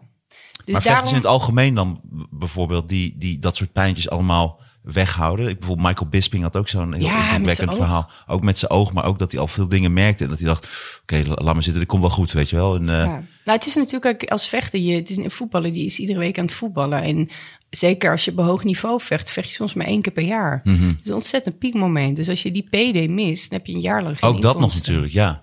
Dus dat zit er ook nog eens een keer bij. Jezus. Dus het is, ja, het is heel heftig. Wauw. Maar ja, als je daarop terugkijkt, dus daarom, ik ben nu, ik ben wel het een en ander gewend. Dus nou, dat, ik neem het ook mee. En dat ik denk, nou ja, als, ik, als er nu dingen komen, denk ik, ja, komt wel goed. ik heb wel erg meegemaakt. ja, je hebt echt voor hete vuur gestaan. ja. dat kun je dan echt zeggen. Ja, daarom dus. Zullen we dan beginnen? Want eh, eh, ik Zullen we met de podcast beginnen? Ja, nee, want dan, dan wil ik bijvoorbeeld één, één gevecht eruit halen. Dat is dan het gevecht eh, tegen Becky Levy. Ehm, ja, dit is jouw derde partij, was dat dan? Eh, dit was mijn derde partij in Japan, ja. En je komt in Japan. En Becky Levy, om even aan te geven in welke tijd jij dus bent, bent eh, opge- opgegroeid in de vechtsport. Dat, wa- dat heette dan Pride.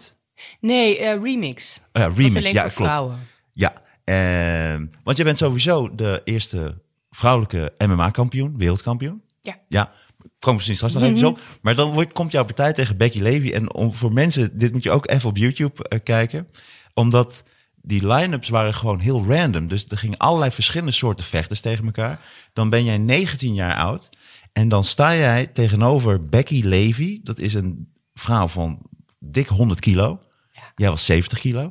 En als je die wedstrijd ziet, ik moet heel erg denken aan Matilda. Ik weet niet of je die film hebt gezien. Dit is toch die uh, van Roodal? Ja. En dan heb je Miss Trench, oh. uh, Trenchbull. Ja, ja, ja, ja. Die gaat, nou, dit is voor de luisteraars. dit moet je dus in je hoofd hebben. Je hebt dus die gymlerares Miss Trenchbull. Dat is jouw tegenstander. En jij bent in principe met Matilda. He, met, met alle respect, maar je was ook nog heel, heel schattig. Uh, wel absoluut met het, het, het, het killergezicht. En dan sta je dus tegenover zo'n kolos van een vrouw. En dan gaat het gewoon, nou, dan beginnen jullie. maar, en, en jij omschrijft, dat vond ik zo mooi. En het is bijna filmisch, dat je haar slaat. En je ziet dat haar gezicht helemaal niet echt beweegt van jouw klap. Ja, nee, alleen, de, alleen de haar ging voor de. En ze, ze, ze ziet het ook, ze blaast het weg. Ze doet zo. Maar wat, wat oh. denk je op dat moment? Als jij voluit Ik was zo bang, echt waar. Dat dat niets uitmaakt Ik, was, ik, ik, ik, had toen echt het gevoel dat ik moest rennen voor mijn leven. Je ziet me ook rennen, hè? Je ziet me ook gewoon wegrennen. Oké, okay. ja, ik kon niet weg. Nou, je bent heel bescheiden. Je, je, je, je beweegt heel veel. Je gaat, je gaat daar steeds uit. Maar je beukt er ook uh, alle kanten meteen op, hoor. Ja, nee, maar zij was de trainingspartner van Don Fry. En Don... Ja, die zit in, naast, in de ring naast... Uh, ja. Ja, Don Fry is legendarisch. Uh, die, die heeft een gevecht dat, uh, met een Japanner dat ze elkaar blijven beuken. Volgens mij ja. minutenlang. Waarvan ja. die nu toch redelijk de consequenties uh, van moet. want ik zag laatst een interview bij, van hem bij Joe Rogan. Was wel, wel pittig. Die heeft wel flinke klappen flinke gehad. CT. Ja. Ja, heel veel vechters hoor. Ik heb, ik heb ook, het is nu onderzoek in de VU naar CTI. Ja. En heel veel vechters worden daar ook voor uitgenodigd. Heb ik ook aan meegedaan. En dat wil zeggen hersenbeschadiging? Of dat, ja. Ja, dus dat is uh, bij de NFL is dat ontdekt. Hè? Uh, Will Smith heeft daar Concussion die film uh, mee overgemaakt. Mm. Maar ja, dat zit natuurlijk ook bij voetbal met koppen. dus ik weet ook dat ze voetballers bij dat onderzoek betrekken. Rugby natuurlijk. en het zeker weten vechten. En ja. dat heeft natuurlijk wel flink wel wat impact op mijn hoofd ja. Gehad. Ja, want jij was echt een, ook een, in die zin ook een brawler. Ja, maar vooral de, de, de impact is vooral met trainen is nu nog niet eens de wedstrijd. Als je dag in dag uit op de mat staat en je ontvangt klappen, dat is waar de echte schade komt. Hmm. Dus dat is, de, dat is nog veel heftiger dan de wedstrijd. Die wedstrijd is eigenlijk de kers op de taart die het nog even Feitelijk wel, ja, feitelijk wel. Dus het einde van die. Van, nou, en dan, dan, dan, dan neem je even rust en dan ga je weer de dojo in, dag in dag uit. Wauw. Oké, maar jij staat, Marloes Koenen, ja, ja, ja. jij staat tegen Becky Levy, het kolos van een vrouw. Schijt in mijn broek, zeven kleuren. Ja, is het, ja heel bescheiden. Het is heel vet om te zien. Uh, nou, dan weet je dat heel goed te onderdrukken in ieder geval. Ja, nee, Had je een luier om, dat die schijf... nou, ik was wel ongeveer zes, zeven keer naar de wc geweest van tevoren. Dat wel, echt. Wauw, ja, maar ook dat je daar nog zo kort was. En om ook eventjes duidelijk te maken aan, aan de luisteraar... dat wat we net hadden over een computerspel ook de hele setup van, van Remix, ook als je dat op YouTube kijkt, hoe de aankondiging is. Uh, dat is ook heel erg computerspel. Het is bijna Street Fighter. Ja, ja, ja. Dan zie je eerst dan Becky Levy. En dan uh, I'm gonna kill this woman. Zegt ze dan ook. En dan jij zegt dan, uh, jij komt dan ook heel mooi in beeld. En dan doe je zo, doe je zo een paar stoten. En dan zeg je, came all this way to win. Zeg je dan. En dat wordt dan allemaal zo heel mooi zo vormgegeven. En dan ding, ding, ding begint die wedstrijd. Het is precies een computerspel. Heb je ook wel eens computerspelletjes gespeeld? Speelde je ook vroeger vechtspelletjes? Nou, vroeger mijn broer Robbie, die... Uh, uh, de, de Commodore 64, de Amiga 2000, die hebben we al in huis gehad. Dus ik ah. vroeger heel veel, maar... MSX ook? Nee. Die hadden wij. Ja? Oké. Nee, die ken ik niet eens. Nee. heb je niet Street Fighter of Mortal Kombat ja, gespeeld? Ja, ja, Street Fighter. Dat, dat waren Tekken? illegale... Tekken niet. Nee, daar ah. had Nessim het ook al over. Dat ken ik dus helemaal niet. Ah. Die was wat veel meer simulatie eigenlijk. Die was toch wat realistischer. Met alle respect voor, uh, voor videogames. nee, ik wil dat die groene zijn uh, van uh, Street Fighter. Die zo, zo leeg kon zuigen. Die, beest. dat beest. Ja, dat ik het tofst. Jij meer een... een, een was meer die blonde met die... Die Paul. ja, die, die pilootachtige... Ja. Ah, wat cool. Nee, maar dat was, dat was doodeng. En, uh, maar de, je had het over uh, Rixen. En um, ik werd ook Fimo Rumina genoemd. En Rumina Sato, die moet je echt gaan googlen. Dat was een Japanse vechter. En die had binnen zeven seconden bevliegende armbar gewonnen. Hmm. En, en ik, ik heb die op videoband dat er echt al vijftig keer teruggekeken. En, dat was jullie tactiek ook, hè? En dat hebben we toegedaan. Want in die wedstrijd, want je wint hem ook na een minuut, anderhalf volgens mij. Ja, zoiets. En je zit op een gegeven moment in een clinch. Wat, uh, en dan hoor je jouw coach ook roepen, nu! En dan, woef, pak je die vliegende armor. Dus dat was jullie hele tactiek ook van ja. tevoren. Ja, in de Rose Namajunas, toen ik in Invicta de, de, de, de headline bij het eerste event... toen was er ook een jonge vechter, Rose Namajunas... En die won daar toen haar wedstrijd. Dat was echt een van de eerste wedstrijden. Op diezelfde techniek. Echt ook binnen 20 seconden of zo. Ah. Ja. Heb je ook, ik vond het ook Paul Greg heet hij volgens mij. Oh ja, ja. Goeie. Maar die blijft klappen krijgen, maar die blijft maar wachten, wachten, wachten. En ook die laatste wedstrijd die hij speelt. En, hij, en die gast die tikt hem nog een keer. En voem, heeft hem. Ja, bats naar de grond en klaar. Transities die hij op de grond doet, die zijn zo vloeiend agressief en scherp. Echt Transities zijn het als je aan het worstelen bent. En je gaat van de ene positie naar de andere. Ja. ja. En die doet hij heel snel. Maar je moet er heel snel kunnen denken en heel creatief. Want het zijn allemaal puzzeltjes eigenlijk Mhm. die je op de grond eh moeten.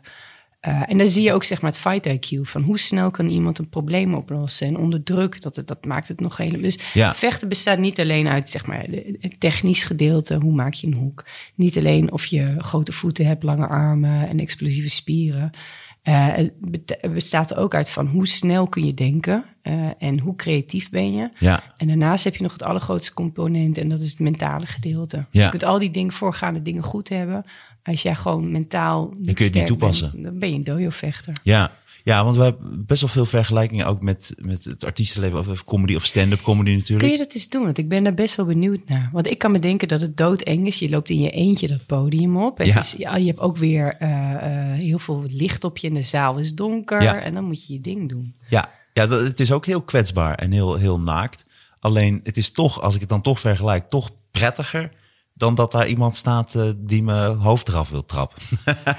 Ja, maar Vind ik als, toch net iets als, minder als ik op een podium zou moeten gaan staan en grappen vertellen, dan zou ik kapot gaan. Ja, dat zou is, ik niet durven. Dat is heel moeilijk. Ik zou niet durven. Nee, maar jij kunt dat wel. Jij kunt dat wel heel makkelijk leren. Ik zou niet durven. Maar doe, eh, hou jij veel praatjes en eh, doe je dat vaak? Dat Jawel, soort, jawel, eh, ja, ja. En dan vertel ik altijd, het, het is een beetje afhankelijk voor wie ik spreek. En ik, of ik doe een clinic, en, maar, Mhm. of als ik gewoon alleen spreek. Laatst moest ik het voor een bank doen. En dan praat en dat ging dan over, International Women's Day was dat. Dus dan gaat het over eh, Break the Bias. En dan vertel ik mijn verhaal, dat eh, voor mij daar eh, heeft gespeeld. Hoe ik in, vrij, in Japan mijn vrijheid vond als vrouw. En, maar ik vertel altijd het verhaal van de dojo. En altijd het verhaal dat in iedereen die vechten zit. En Ja. Het verhaal van de energie. Want dat is, dat is uiteindelijk de kern van wat ik wil doen. Ik wil mensen meegeven. Want er zit veel meer in jou dan je nu denkt dat erin zit. Ja, ik vind ook mooi hoe jij omschrijft dat die, die energie die je dan hebt, en zeker ook in het vechten, dat je die leert te beheersen en dat je daar mee leert kleien. Kleien Ja. met energie. Ja, nee, maar dat is het echt. Ja, toen we de dojo hadden, Roemer, mijn partner, dit is eh, een hele lieve, rustige man. Hè? Je hebt hem meegemaakt. Ja. En in het dojo, bij ons kwam echt alles binnen. En op een gegeven moment zei ik ook tegen hem, ik zeg van, hij is ja, heel... ehm, heeft een hele goede set van normen en waarden. En hij eh, het is de beste trainer die ik ooit heb gehad.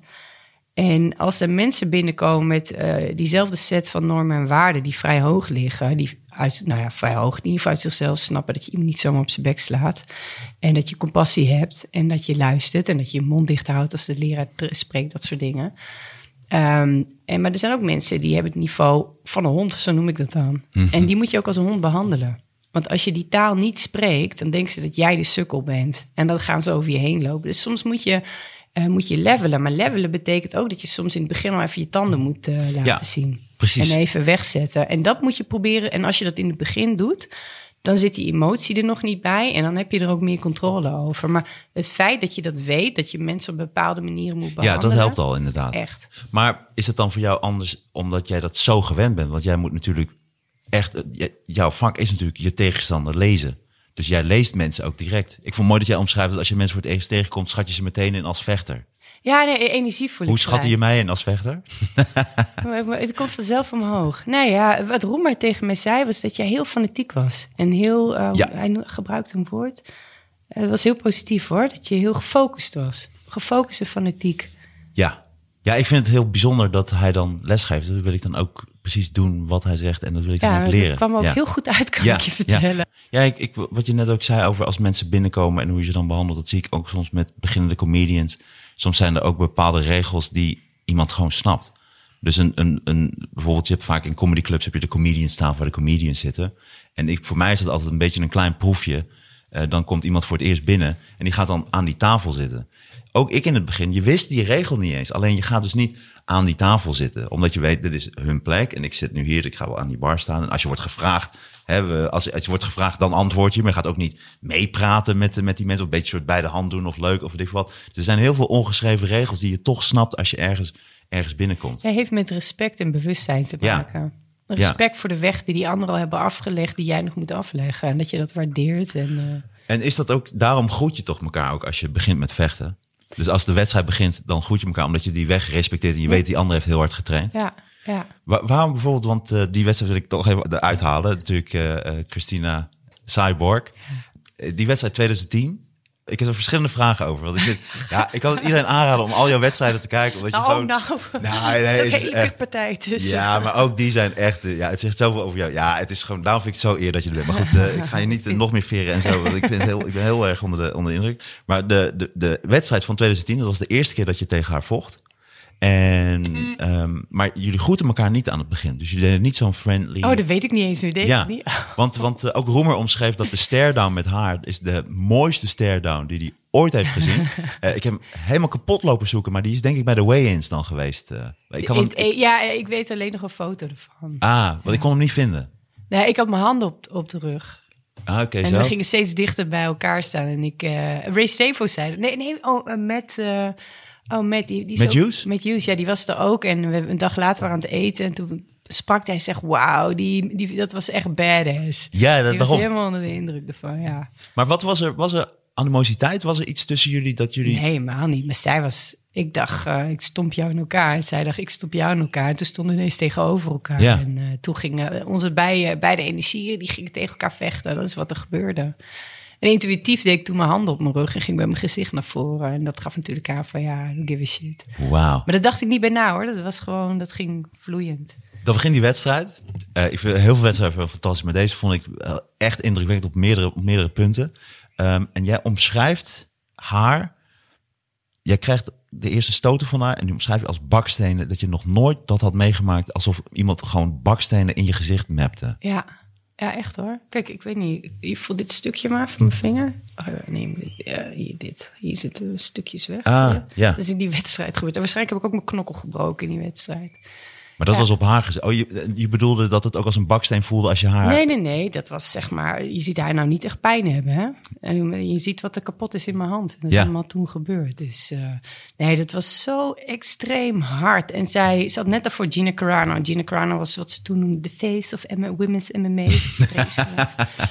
Hè, die, eh, die speelde in The Mandalorian totdat ze eh alt-right werd. Maar, Ah. ehm, en, ehm, en die was net compleet echt in elkaar getiefd in de eerste ronde. En ik was voor die wedstrijd ingevlogen als stand-in. Want beide maakten hun gewicht wel, wel Ah, soms niet. ja. Dus ik heb voor die wedstrijd toen ook mijn gewicht gemaakt. Maar ja, ik zat daar in, die, in dat stadion en ik was helemaal aan het trillen tijdens die partij. Echt gewoon helemaal aan het trillen. En dat was zo heftig. En alle vrouwen verloren van Cyborg in die eerste ronde. En ehm, we hadden eh, die eh face-off gedaan en we gingen naar achteren. En ik was met Ray Savo toevallig gaan praten. En vanuit mijn ooghoek zie ik zo... En ik, ik, ik had niks, ik had, ik had niet eens dorst. Zie ik haar gewoon zo'n gallon, zie ik zo drinken. Zo klok, klok, klok. Dus nou ja, het gewichtsverschil was nogal. En ik had die ochtend, was ik zelfs nog naar de eh, mensen van Strikeforce geweest. Ik mag ik heel even op de weegschaal staan, want dan kan ik misschien nog wat eten. Oh ja, ik ben eronder. Nou, kan ik ontbijten, weet je. Dus ik, ik, ik heb niet eens gewicht gemaakt voor die partij. En toen kreeg ik die klap. Het was, ja, het- ik kan het je niet uitleggen. Het was zo hard, zo droog. Het was zo extreem heftig. Had je dat onderschat? Ja, ja, echt. Echt. Want vooral Maar in, hoe in kan Japan. dat? Nou, in Japan, ik sloeg ze allemaal vaak met één stoot neer. En op de grond ging het heel makkelijk. En toen moest ik tegen Roxanne Modafferi een rematch doen in eh Strikeforce. Dat was de eerste partij. Nou, dat ging ook heel makkelijk. En ineens stond ik, dat was wel even een niveautje hoger. Maar wat, gebeurt er dan? Dus je, je begint, je krijgt de sta- je denkt, oh, oh shit. Ja, dat dacht ik. Ja, echt. Echt, echt. En dan gooi, je, grappig. dan gooi je gewoon alles, alles wat je hebt. En op een gegeven moment was het... was, ik heb, ben, het- ik ben, heb het tot volgens mij eindronde drie volgehouden. En dat record heeft jarenlang stand gehouden. Want voor de rest werd iedereen er in de eerste ronde eruit Hmm. geslagen. En die dag daarna, als ik mijn hoofd bewoog... dan had ik gewoon zo'n eh, eh, jelly pudding had ik op mijn hoofd. Zo, zo dik was het. Het is ook een headhunt. Ze ging niet naar het lichaam. Level chase deze die aan. Hoor. Het is alleen kang, kang, kang Hmm. op dat hoofd. Ja, Ja, het was echt... eh, Ja, want, want hoe, ik het, eh, hoe ik het zag is dat, dat ehm, je hebt dan al een clinch gehad. Je, ze heeft, je hebt op de grond eh, eh, gelegen. Ze heeft daar Ik weet niks meer van die partij. Het vertel een prachtige partij, ook, maar ook omdat je er zo hard inbeukt en zo, want het komt helemaal terug. Maar ik vond dat in je gezicht zag ik op een gegeven moment dat het, en dat was in de eerste ronde, dat je, het geloof en vertrouwen was in je gezicht, maar ze had het bravoer had ze eruit geklapt.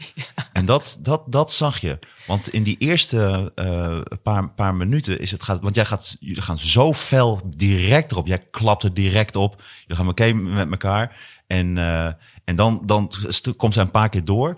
En dan heb jij ongeveer na, na een minuut of drie, zie je jou, heb je, is jouw gezicht anders geworden. En, eh, en wat ik al zei, van het geloof en vertrouwen is er. En de vechtersmentaliteit, alsof het bravoer eventjes soort Nou, van... Nou, ik denk dat het geloof ook wel weg was. de vecht- de vechtersmentaliteit was er nog. Ja, maar weet je wat zo mooi, mooi is? Is dat het is namelijk ook zo'n onvoorstelbaar momentopname, zo'n zo'n gevecht. Omdat het gaat zo om, toch om hele kleine details. Want na die eerste clinch die je met haar, met haar, met haar hebt, eh, jij komt daaruit. Jij haalt, jij haalt zo gigantisch hard elleboog uit, die haar net mist.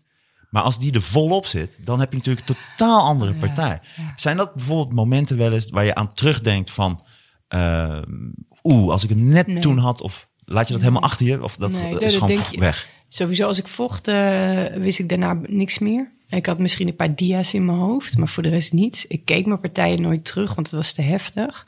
Wa- hoe, hoe, zo- waarom niet? Ehm, nou, Maar ik vind was- het ook heel, in comedy is het ook heel moeilijk, hè? Je, je show terug te kijken, want je, je, je stem is super stom Oh, en je, ja. je beweegt heel raar. Terwijl het heel leerzaam is Ja. om, om fouten te zien. Alleen ik was op dat punt al zo extreem uitgeput. En ik moest iedere dag mezelf uit bed trekken. Iedere dag was ik labiel, moe, ziek, zwak, misselijk. En dat was gewoon een belasting die te veel was. Ik keek ook nooit eh, eh, wedstrijden, eh, UFC. En ik keek niks. Want dat kon ik niet aan. Dan zat ik zo gespannen. ja. En eh, zelfs op een gegeven moment, en daar heb ik nu wel spijt van. Aan de andere kant denk ik, ja, het kon ook niet anders. Heb ik gezegd van, eh, toen ik die titel had gewonnen... toen stond een Japanse journalist op Schiphol op mij te wachten. Hij zegt, ieder meisje in de wereld wil niet, of iedere vrouw wil in de wereld wil niet tegen jou vechten. En dat kwam zo hard binnen. En ik was toen natuurlijk al helemaal kapot van twee keer Japan in een korte tijd en mentaal gepiekt en zo. Toen ben ik als malle alles gaan doen. Maar ja, er lag geen blauwprint van trainen. Dus dat ging helemaal de verkeerde kant op. Zo begon die overtraind. te Ah, ja. Dus op een gegeven moment had ik zoiets van, nou, met trainen weet genoeg. Ik ga zelf niet investeren in eh, mezelf verder ontwikkelen, want dan gaat het plezier eruit. Dat was een hele belangrijke les. Alleen daardoor, eh met trainen had niet echt een plan. Dus die had niet zoiets van, eh, jaar één gaan we dit leren, jaar twee, dat en dat. Dus ik ben ook best wel, eh, best wel geplateauwd voor een hele lange tijd.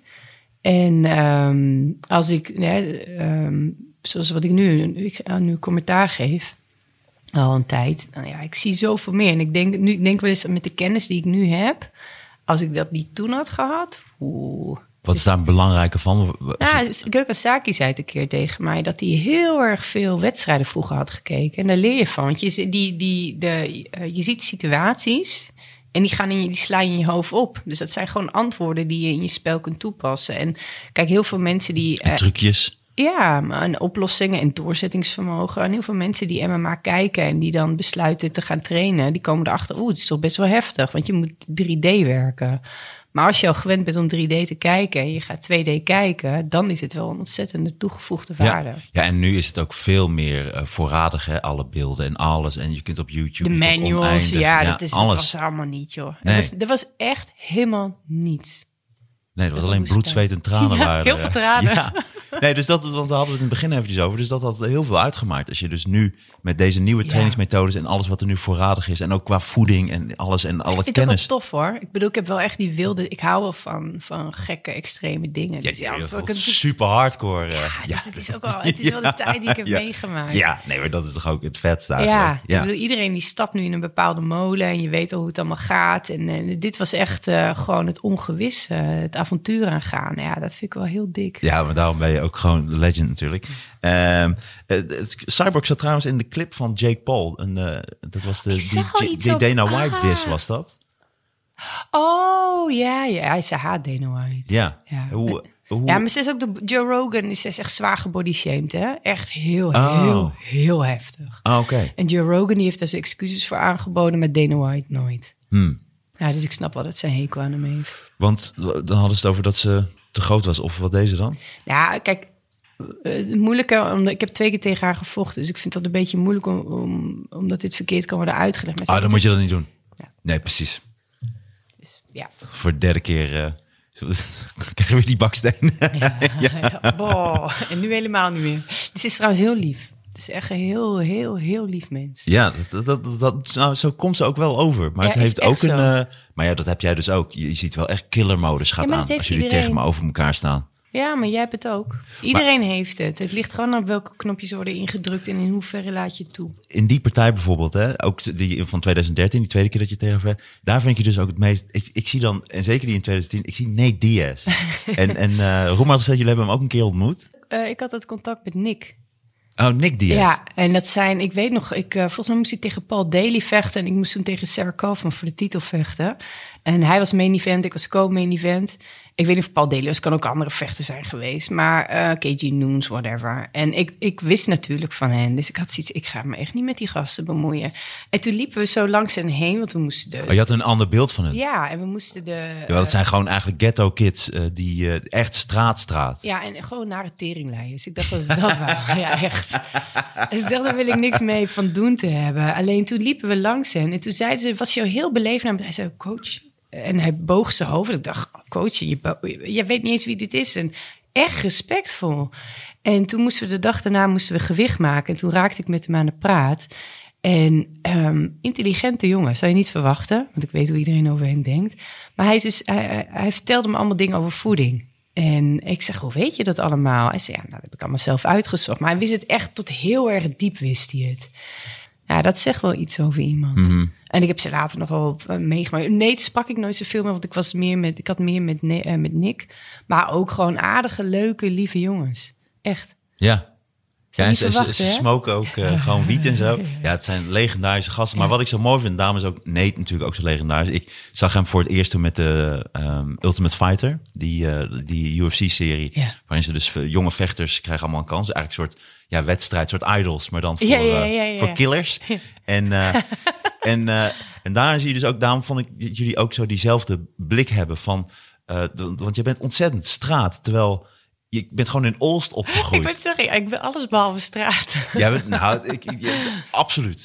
Ja, absoluut. Yes, ja, ja, nee, ja, terwijl je komt gewoon uit Olst. Ja. En toch ben je zo. Ik vond die vergelijking, of die gelijkenis zo, zo groot. Een groot, groot compliment wat je me geeft. Ik denk dat straat eigenlijk gewoon het loslaten is van bepaalde normen, waarden, conventies. En ik denk dat we dat in Nederland veel meer, dat we veel meer straat moeten worden als we gewoon wat, wat directer tegen elkaar zijn. En uh, dan denk ja. ik dat. En, en wat minder bang zijn voor agressie. Want we zijn heel erg bang in Nederland voor agressie. Mhm. En daar andere uh, connotaties aan verbinden. En dat zou heel gezond zijn voor de maatschappij. Ik kan vanuit mijn enthousiasme heel erg overdonderend zijn. En, uh, ja, maar je bent ook natuurlijk kei dominant.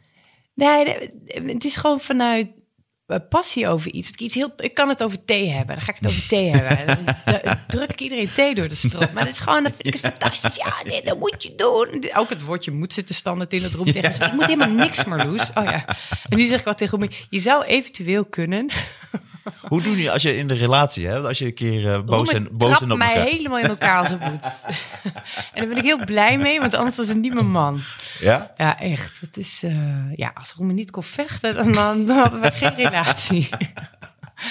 We hebben één keer gehad met sparren, dat weet ik nog heel goed. En toen was ik heel agressief. En ik stop hem echt op zijn gezicht. En het lukte natuurlijk niet. En, maar hij zag wel het hoofd van mij. En toen heeft hij me neergeslagen op mijn lever. Oh. ja, maar dat vond ik heel gentlemanlike. en ik, hij slaat me niet op mijn gezicht terug. Dat vond ik heel mooi. En daarna toen ging ik door. Toen heeft hij me nog een keer neergeslagen op mijn lever. toen had ik mijn desje geleerd. Wat lief. ja. Wat een leuke vent. Ja, echt fijne man is het. ja, ik zie iets anders in het leven dan de meeste, ben ik bang. Maar uh, ja. Wauw. Hey, eh, ehm, om een beetje af te sluiten.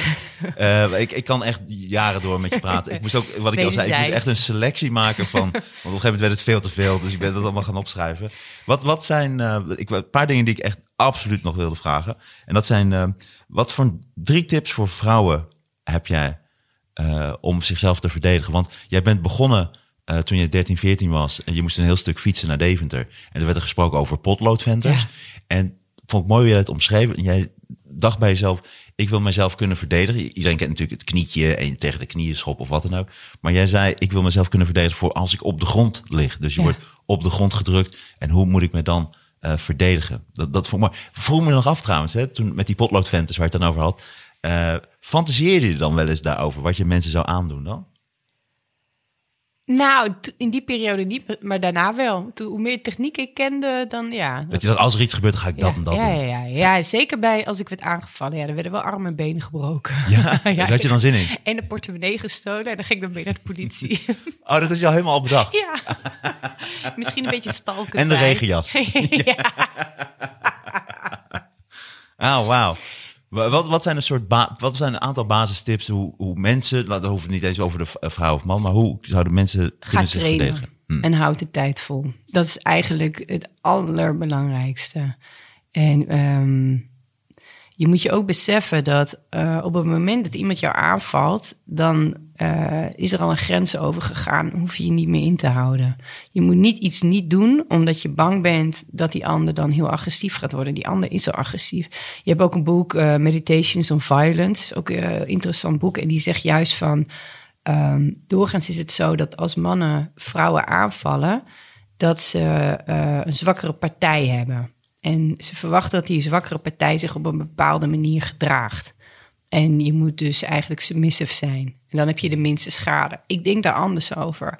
Als iemand al over een grens gaat dat hij jou wil aanvallen, dan moet je all out gaan. Gelijk, direct en in het begin. Pak een pen, steek het waar je het kunt steken, maakt allemaal niet uit. Ehm, wat ik ook merk is dat. Dit is zo'n citaat die ze dan uit die podcast eh, gaan Oh, halen. don't give a shit. Als ik me niet verantwoordelijk ben. Ehm, potloodwerk ook goed. Maar ehm, nee. nou, een pen in een potloodventer steken, dat is wel heel grappig. Potloodventer, doodgestoken met in pen. In de bowlingbal. Ja, dat is op het eind. Nog even roeren. Ehm, maar dus dat is eigenlijk, eh, eh, iemand gaat al de grens over en dan moet je direct op je meest agressieve manier reageren. Eh, bevries je, neem het jezelf niet kwalijk. En om te voorkomen dat je gaat bevriezen, moet je dus heel veel met die energie omgaan. En dat doe je in de dojo. En daarom moet je niet zes weken een eh, cursus gaan doen. Nee, daarom moet je dag, jaar in, jaar uit, op zijn minst drie, vier jaar een paar keer per week naar een dojo gaan. Om met die energie en in die verschillende si- eh, situaties daarmee om te gaan. En die dojo moet senang zijn. Niet wat Ja, jij hebt nee, meegemaakt. precies, Nou, ja. hoe weet je dat? Als jij binnenkomt en niemand kijkt jou in je ogen aan... en steekt geen hand uit om je even te groeten... ben je niet in de goede dojo. Nee, ja, Zo simpel zo is dat. En je zult, wel, eh, je zult wel zenuwachtig zijn hoor. Dat is normaal, want het is gewoon heftig een dojo. Maar er is, er is een verschil in zenuwen. Ja. En in onze dojo was het echt, het was, ik vond het heel bijzonder. Want soms stond ik les te geven en dan stond iemand te wachten al eh, voor de volgende les. En dan zag ik nieuwe mensen binnenkomen. En bij ons moest de deur worden opengedaan. Dus dan zag ik iemand dan netjes naar die deur toe lopen, handje geven, al praten. En dat was de cultuur die we gecreëerd hadden. En wat mensen zeiden als ze gewoon een, een meter binnen eh, waren geweest, zeiden ze van, oh, wat een goede sfeer je hangt Ja. hier. Ik dacht, hoe weet je dat? Je, je staat een, een meter, maar ja, blijkbaar... Dus het gaat echt om, vind een goede dojo Ja. waar ze respectvol met je omgaan. En je hebt plezier, want Ja, en leer het. vol. Ja, want ik, eh, wij, wij woonden in Hattem. Eh, ik kom uit Hattem en Zwolle. Ja, van het zeggen, dat ken ik, ja. Ja, en eh Kan je ook plat?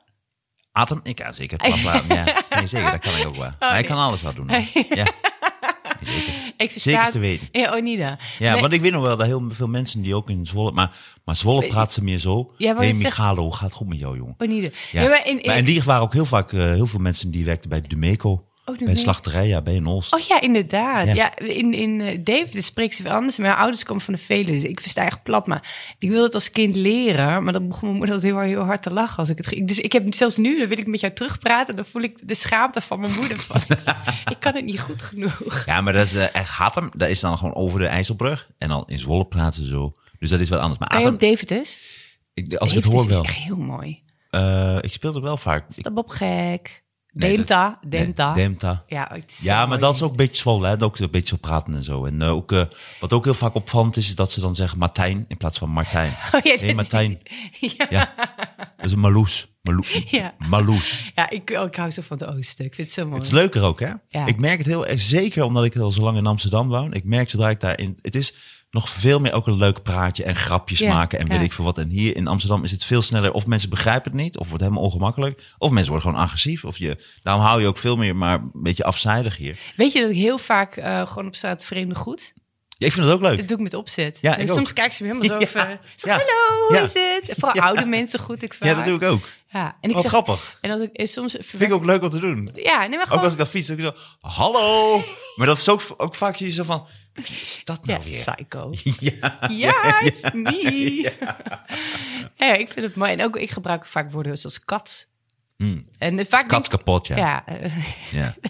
dan kijk ze me ook aan. Ja. Ja, maar soms doe ik het met opzet, maar soms denk ik er ook gewoon niet bij na. Dan, eh, Ehm, je was nog even iets aan. Oh ja, dat Oh ja, ik dit is voor zeggen. vrouwen. nou, dus ga lekker trainen. Ja, In dat. Nee, maar ik wou nog even vertellen, want toen, dus ik woonde in, uh, woonde in Hattem. Toen ging het bedrijf van mijn vader ging niet goed en toen kwamen we in Zwolle te wonen. En toen was ik 16 jaar oud en ik was vroeger, ik was altijd het sterkst van de klas. We waren altijd aan het duwen en het trekken en weet ik veel wat. Toen ging ik bij een pizzeria werken en toen kwam ik in één keer in aanraking met totaal andere jeugd. En toen merkte ik echt heel snel dat ik, ik kon helemaal niet vechten. Ik was dat helemaal niet gewend. Dus ik begon gewoon echt gewoon klappen te krijgen. Dus, en zeker omdat ik natuurlijk super bij de hand ben. Ik heb een hele grote bek. En dan kwam ik in één keer in aanraking met mensen die dat gewoon helemaal niet pikken. En die dat als extreme agressie ervaren. Dus bij de hand. Dus ik leerde al heel snel van, oeh, dit is totaal anders. Toen heb ik tegen mijn ouders, ik zeg, Robert, dat was mijn ene jongste broertje. Ik zeg, die moet zo snel mogelijk op, eh, op vechtsport. Ik zeg, want eh, dit is, hier spreken ze een hele andere taal. En dit gaat op een hele andere manier. En dit is heel belangrijk voor het zelfvertrouwen. Want ik kon dat helemaal niet. Ik heb ook momenten meegemaakt. Ik zat dan ook in een beetje een soort foute vriendengroep. Maar daar ben ik nooit echt geaccepteerd. Omdat ik dat in die zin toch wel echt een mietje was. Dus ik kon dat, ik kon dat helemaal niet. Ik had dat nog nooit ervaren. Ik had nog nooit klappen gekregen. Dat kon ik helemaal De niet. codes. Ja, Maar ik vind het wel mooi als je eh, een tijd lang in een groep bent waar je eh, de codes. Ik, ik heb ehm, eh, lang bij Lucien Carbin getraind Mhm. in de Belmer. En dan was ik een van de, nou, zo'n beetje de enige witte vrouw. Die soms waren dingen dat ik er twee anderen heb gezien. Ze waren fantastisch tegen mij. Ik heb daar mijn broodje pom leren eten en Mhm. noem maar op. En, maar dat was voor het eerst in mijn leven dat ik in een groep was waarin ik de ander was. Want ik sprak de, de codes, snapte ik niet. En eh, de gebruiken Ja. niet. En ik kwam ook, deed ook nog eens een keer MMA, geen Muay Thai. En ze waren echt fantastisch tegen me. Lief en Lucien, echt eh held is dat. Maar het was heel erg goed voor mij om eens een keer de, de ander te zijn. De minderheid te zijn. En, en, en te beseffen hoe dat is. En, eh, en dat vertel ik ook altijd tegen iedereen. Ga vooral die groepen opzoeken waar je een keer de ander bent. Want dan krijg je ook meer empathie voor hè, de mensen die altijd eh, de Ja, als de ander worden klopt. gezien. Nou, die was ik daar zeker. Ja, nou, Want ze mochten je- me allemaal wel allemaal. Omdat ik natuurlijk altijd... Ik maakte altijd geintjes en het was altijd lachen en zo. Maar als het puntje bepaald kwam, dan kon ik natuurlijk me helemaal niet verdedigen. Het zou ook wel fijn voor ze zijn geweest. Want anders overklassen eh, je ze met alles. Ja, nee, de, het fysieke was eh, eh, voor Het hun... levelde het- lekker. Ja, dus dat, dan hield ik even mijn bek. Ja, ja. Ja. dat was heel Je duidelijk. fysieke bek. Ja, ja, ja. Nee, dat klopt. Dat klopt. En daarom vind ik het leuk. Mijn eh, jongste neefje, die is nu zeven. Eh, die wordt nu binnenkort acht, of die is acht. Maar die heeft heeft mijn broer ook al heel snel op judo gezet. Dus om een soort van basis Ja, te gaan goed. creëren. Ja, jij kijkt neer op judo. Nee, nee, nee. Ik zeg dan dat nee. Ja, wel een beetje. Ja. Maar eh, Ja, dat- ik vond het mooi. dat Als- zei- als zei, volwassene ja, ja, wel. Je kunt judo, wacht maar tot je op je bek wordt geslagen. dat, dat zei jij ja, erover. het is echt zo. Ja, even serieus. Ja. Maar voor kinderen vind ik het echt fantastisch. Omdat je Ja. dan... eh, het is eh, dat programma, En het is heel respectvol. Uit, nou, het is ook al uitgekristalliseerd. Ze doen natuurlijk al een miljard jaar. Maar je leert letterlijk eh, vallen en opstaan. Je leert domineren. Je leert de passieve partij te zijn. Het is veilig. Ze hebben allemaal leuke oefenvormen ervoor. Ik roep het tegen iedereen. En vooral als je een dochter hebt, echt zet er op judo. Klaar. Ja. Ja, want dat gaat vooral op de grond en dat je jezelf ook echt leert verdedigen. Ja, maar ook gewoon eh, als je tegen een jongetje staat. Ik zie het met mijn dochter al, die is. Dan zitten we een Disney-film te kijken. En ze wil alleen maar prinsessen. Ze wil alleen maar jurken. Ze wil alles moet roze zijn. Maar als we dan Je bent geen schaap. Ja. Wolvenpas is Wolverine. Nee, ik heb er al compleet aan toegegeven. Want ik zie gewoon hoe meisjes... Er zit ergens nurture nature. Nature zit echt 200% in. Ik wil daar niet aan. Ik moet het toegeven. En, en dat roze daar, dit is niet als een magneet gewoon, maar het is, is echt zo. Maar ik vind het dus heel belangrijk. En dan hebben we nog een keer een maatschappij waarin we een bepaald vrouwbeeld en een bepaald manbeeld, wat vanaf jongs af aan al in die hoofdjes wordt gezet. En daarom is het zo belangrijk dat meisjes, maar ook jongetjes, op een vroege leeftijd al fysiek contact met elkaar hebben, juist in de judo. Ik bedoel, ik, ik, ik heb zo vaak verhalen gehoord van mannen van... ja, ik weet nog de eerste les, je legt hem in een armklem. Ik, eh, of de ander van, ja, je sloeg me neer. Of nou, niet dat ik dat zo vaak heb gedaan. Maar die mannen zijn daardoor anders naar vrouwen gaan kijken. En dat is echt heel belangrijk. En, eh, en ik ben ook anders naar mannen gaan kijken natuurlijk. En, en, en juist die, dat samen, daarom ben ik ook heel erg tegen apart trainen... Je kunt het in het begin wel doen om zelfvertrouwen op te bouwen, maar daarna moet je naar de groep gaan. eh, waarin, en dan kun je in het begin allemaal verschillende groepen maken. Maar uiteindelijk moet je allemaal samen gaan trainen. Want dat is de echte connectie die je met elkaar gaat maken. En daar ga je echt van elkaar leren. En je leert meer dan een beenklem. Het Ja. gaat echt over sociaal gedrag. Dat is de toekomst. Ik hoop het. Het is een heel mooi, mooi afsluiting. Ja, dacht ik ook. Ik, oh, wauw, we hebben hem. Ja, prachtig. Ik vond het ontzettend leuk dat je er was. Wederzijds. Ik, ik hoop, eh, misschien, ik weet niet hoeveel tijd je hebt, dat je in de toekomst misschien vaker langs eh, kan Heel komen. leuk. Oh, dat zou ik heel Ja, erg leuk echt vinden. Lijkt me ook heel leuk om met, eh, met andere mensen, en om het ook over... Soendos, ik was Soendos. Oh, nou oké, dat, gaat, zo dat leuk. gaat dan sowieso geregeld worden. Oh, dat, vindt ze, dat gaat ze helemaal Zij is geweldig echt vinden. geheld. Heb je wel eens ontmoet? Eh, we hebben ooit Zij is wel echt fucking bij de hand. Ik denk dat je haar toch wel redelijk snel op de bek gaat slaan. ja, ik denk die, en dat ze dan nog steeds honderd keer bij de hand is. Nee, ik heb haar eh, een beetje zijdelings ehm, een keer bij Koningsdag bij, bij AT5, daar was ze voor mij. Hmm. En ehm, ik zat natuurlijk altijd bij Spike en zij bij Comedy Central. En nu zitten we, zij heeft bij Miskina gedaan, bij Rose Ja. Stories. Nou, daar, daar komt, daar komt een boek van mij uit. Dus we onze cirkels zijn zeg maar een beetje eh, om elkaar heen. Maar ik zou een keer heel graag een keer in gesprek met haar willen. Ja, dat gaat 100% gebeuren dan. Super badass. En zij is, ja, zij is echt een powervrouw. En zij komt van ver. En eh, ja, jullie hebben heel veel gelijkenissen. Ik heb haar inderdaad. veel Miskina ook gezien. Ik heb Ja. Het bepist om Ah, haar. Zij is zo goed. Ah, oké, leuk. Niet alleen geschreven, maar ook als actrice. Dat ze met Ja. die eendebek zit. Echt, ik haat het niet meer. Ja, ja ik, ik, had daar, ik vroeg haar laatst of dat gezin gebaseerd is op haar eigen gezin. Want het was overduidelijk, want haar man is super aardig. En eh, dat is een beetje, dat was, het leek er heel erg. Ze moest ook heel hard lachen. Ze gaf er net niet even een soort antwoord op. Volgens mij was het redelijk gebaseerd op het eh, echt hier. Nee, zij is ook, en what you see is what you get. En eh, ik heb ontzettend veel respect voor haar. Nou, dat gaan we dan Ja, leuk. 100.000 leuk. procent zeker weten regelen. Ik vond het echt onvoorstelbaar dat je hier was. Ik vond het ongelooflijk leuk om je in het echt te ontmoeten. Hetzelfde, En, ja. eh, Ik ken en je natuurlijk al heel lang hè, van tv. Dus ik vond het Ja. een grote eer. En je Nou bent ja, nog nou, veel nou. leuker dan in Ah, het echt dan dankjewel. op tv. Nou, echt vol, volkomen wederzijds. ik, heb, ik had nog duizend vragen, maar dat, dat doe ik dan de volgende keer. En uh, Marloes, dankjewel dat je er was. En uh, nou, tot snel. Adios.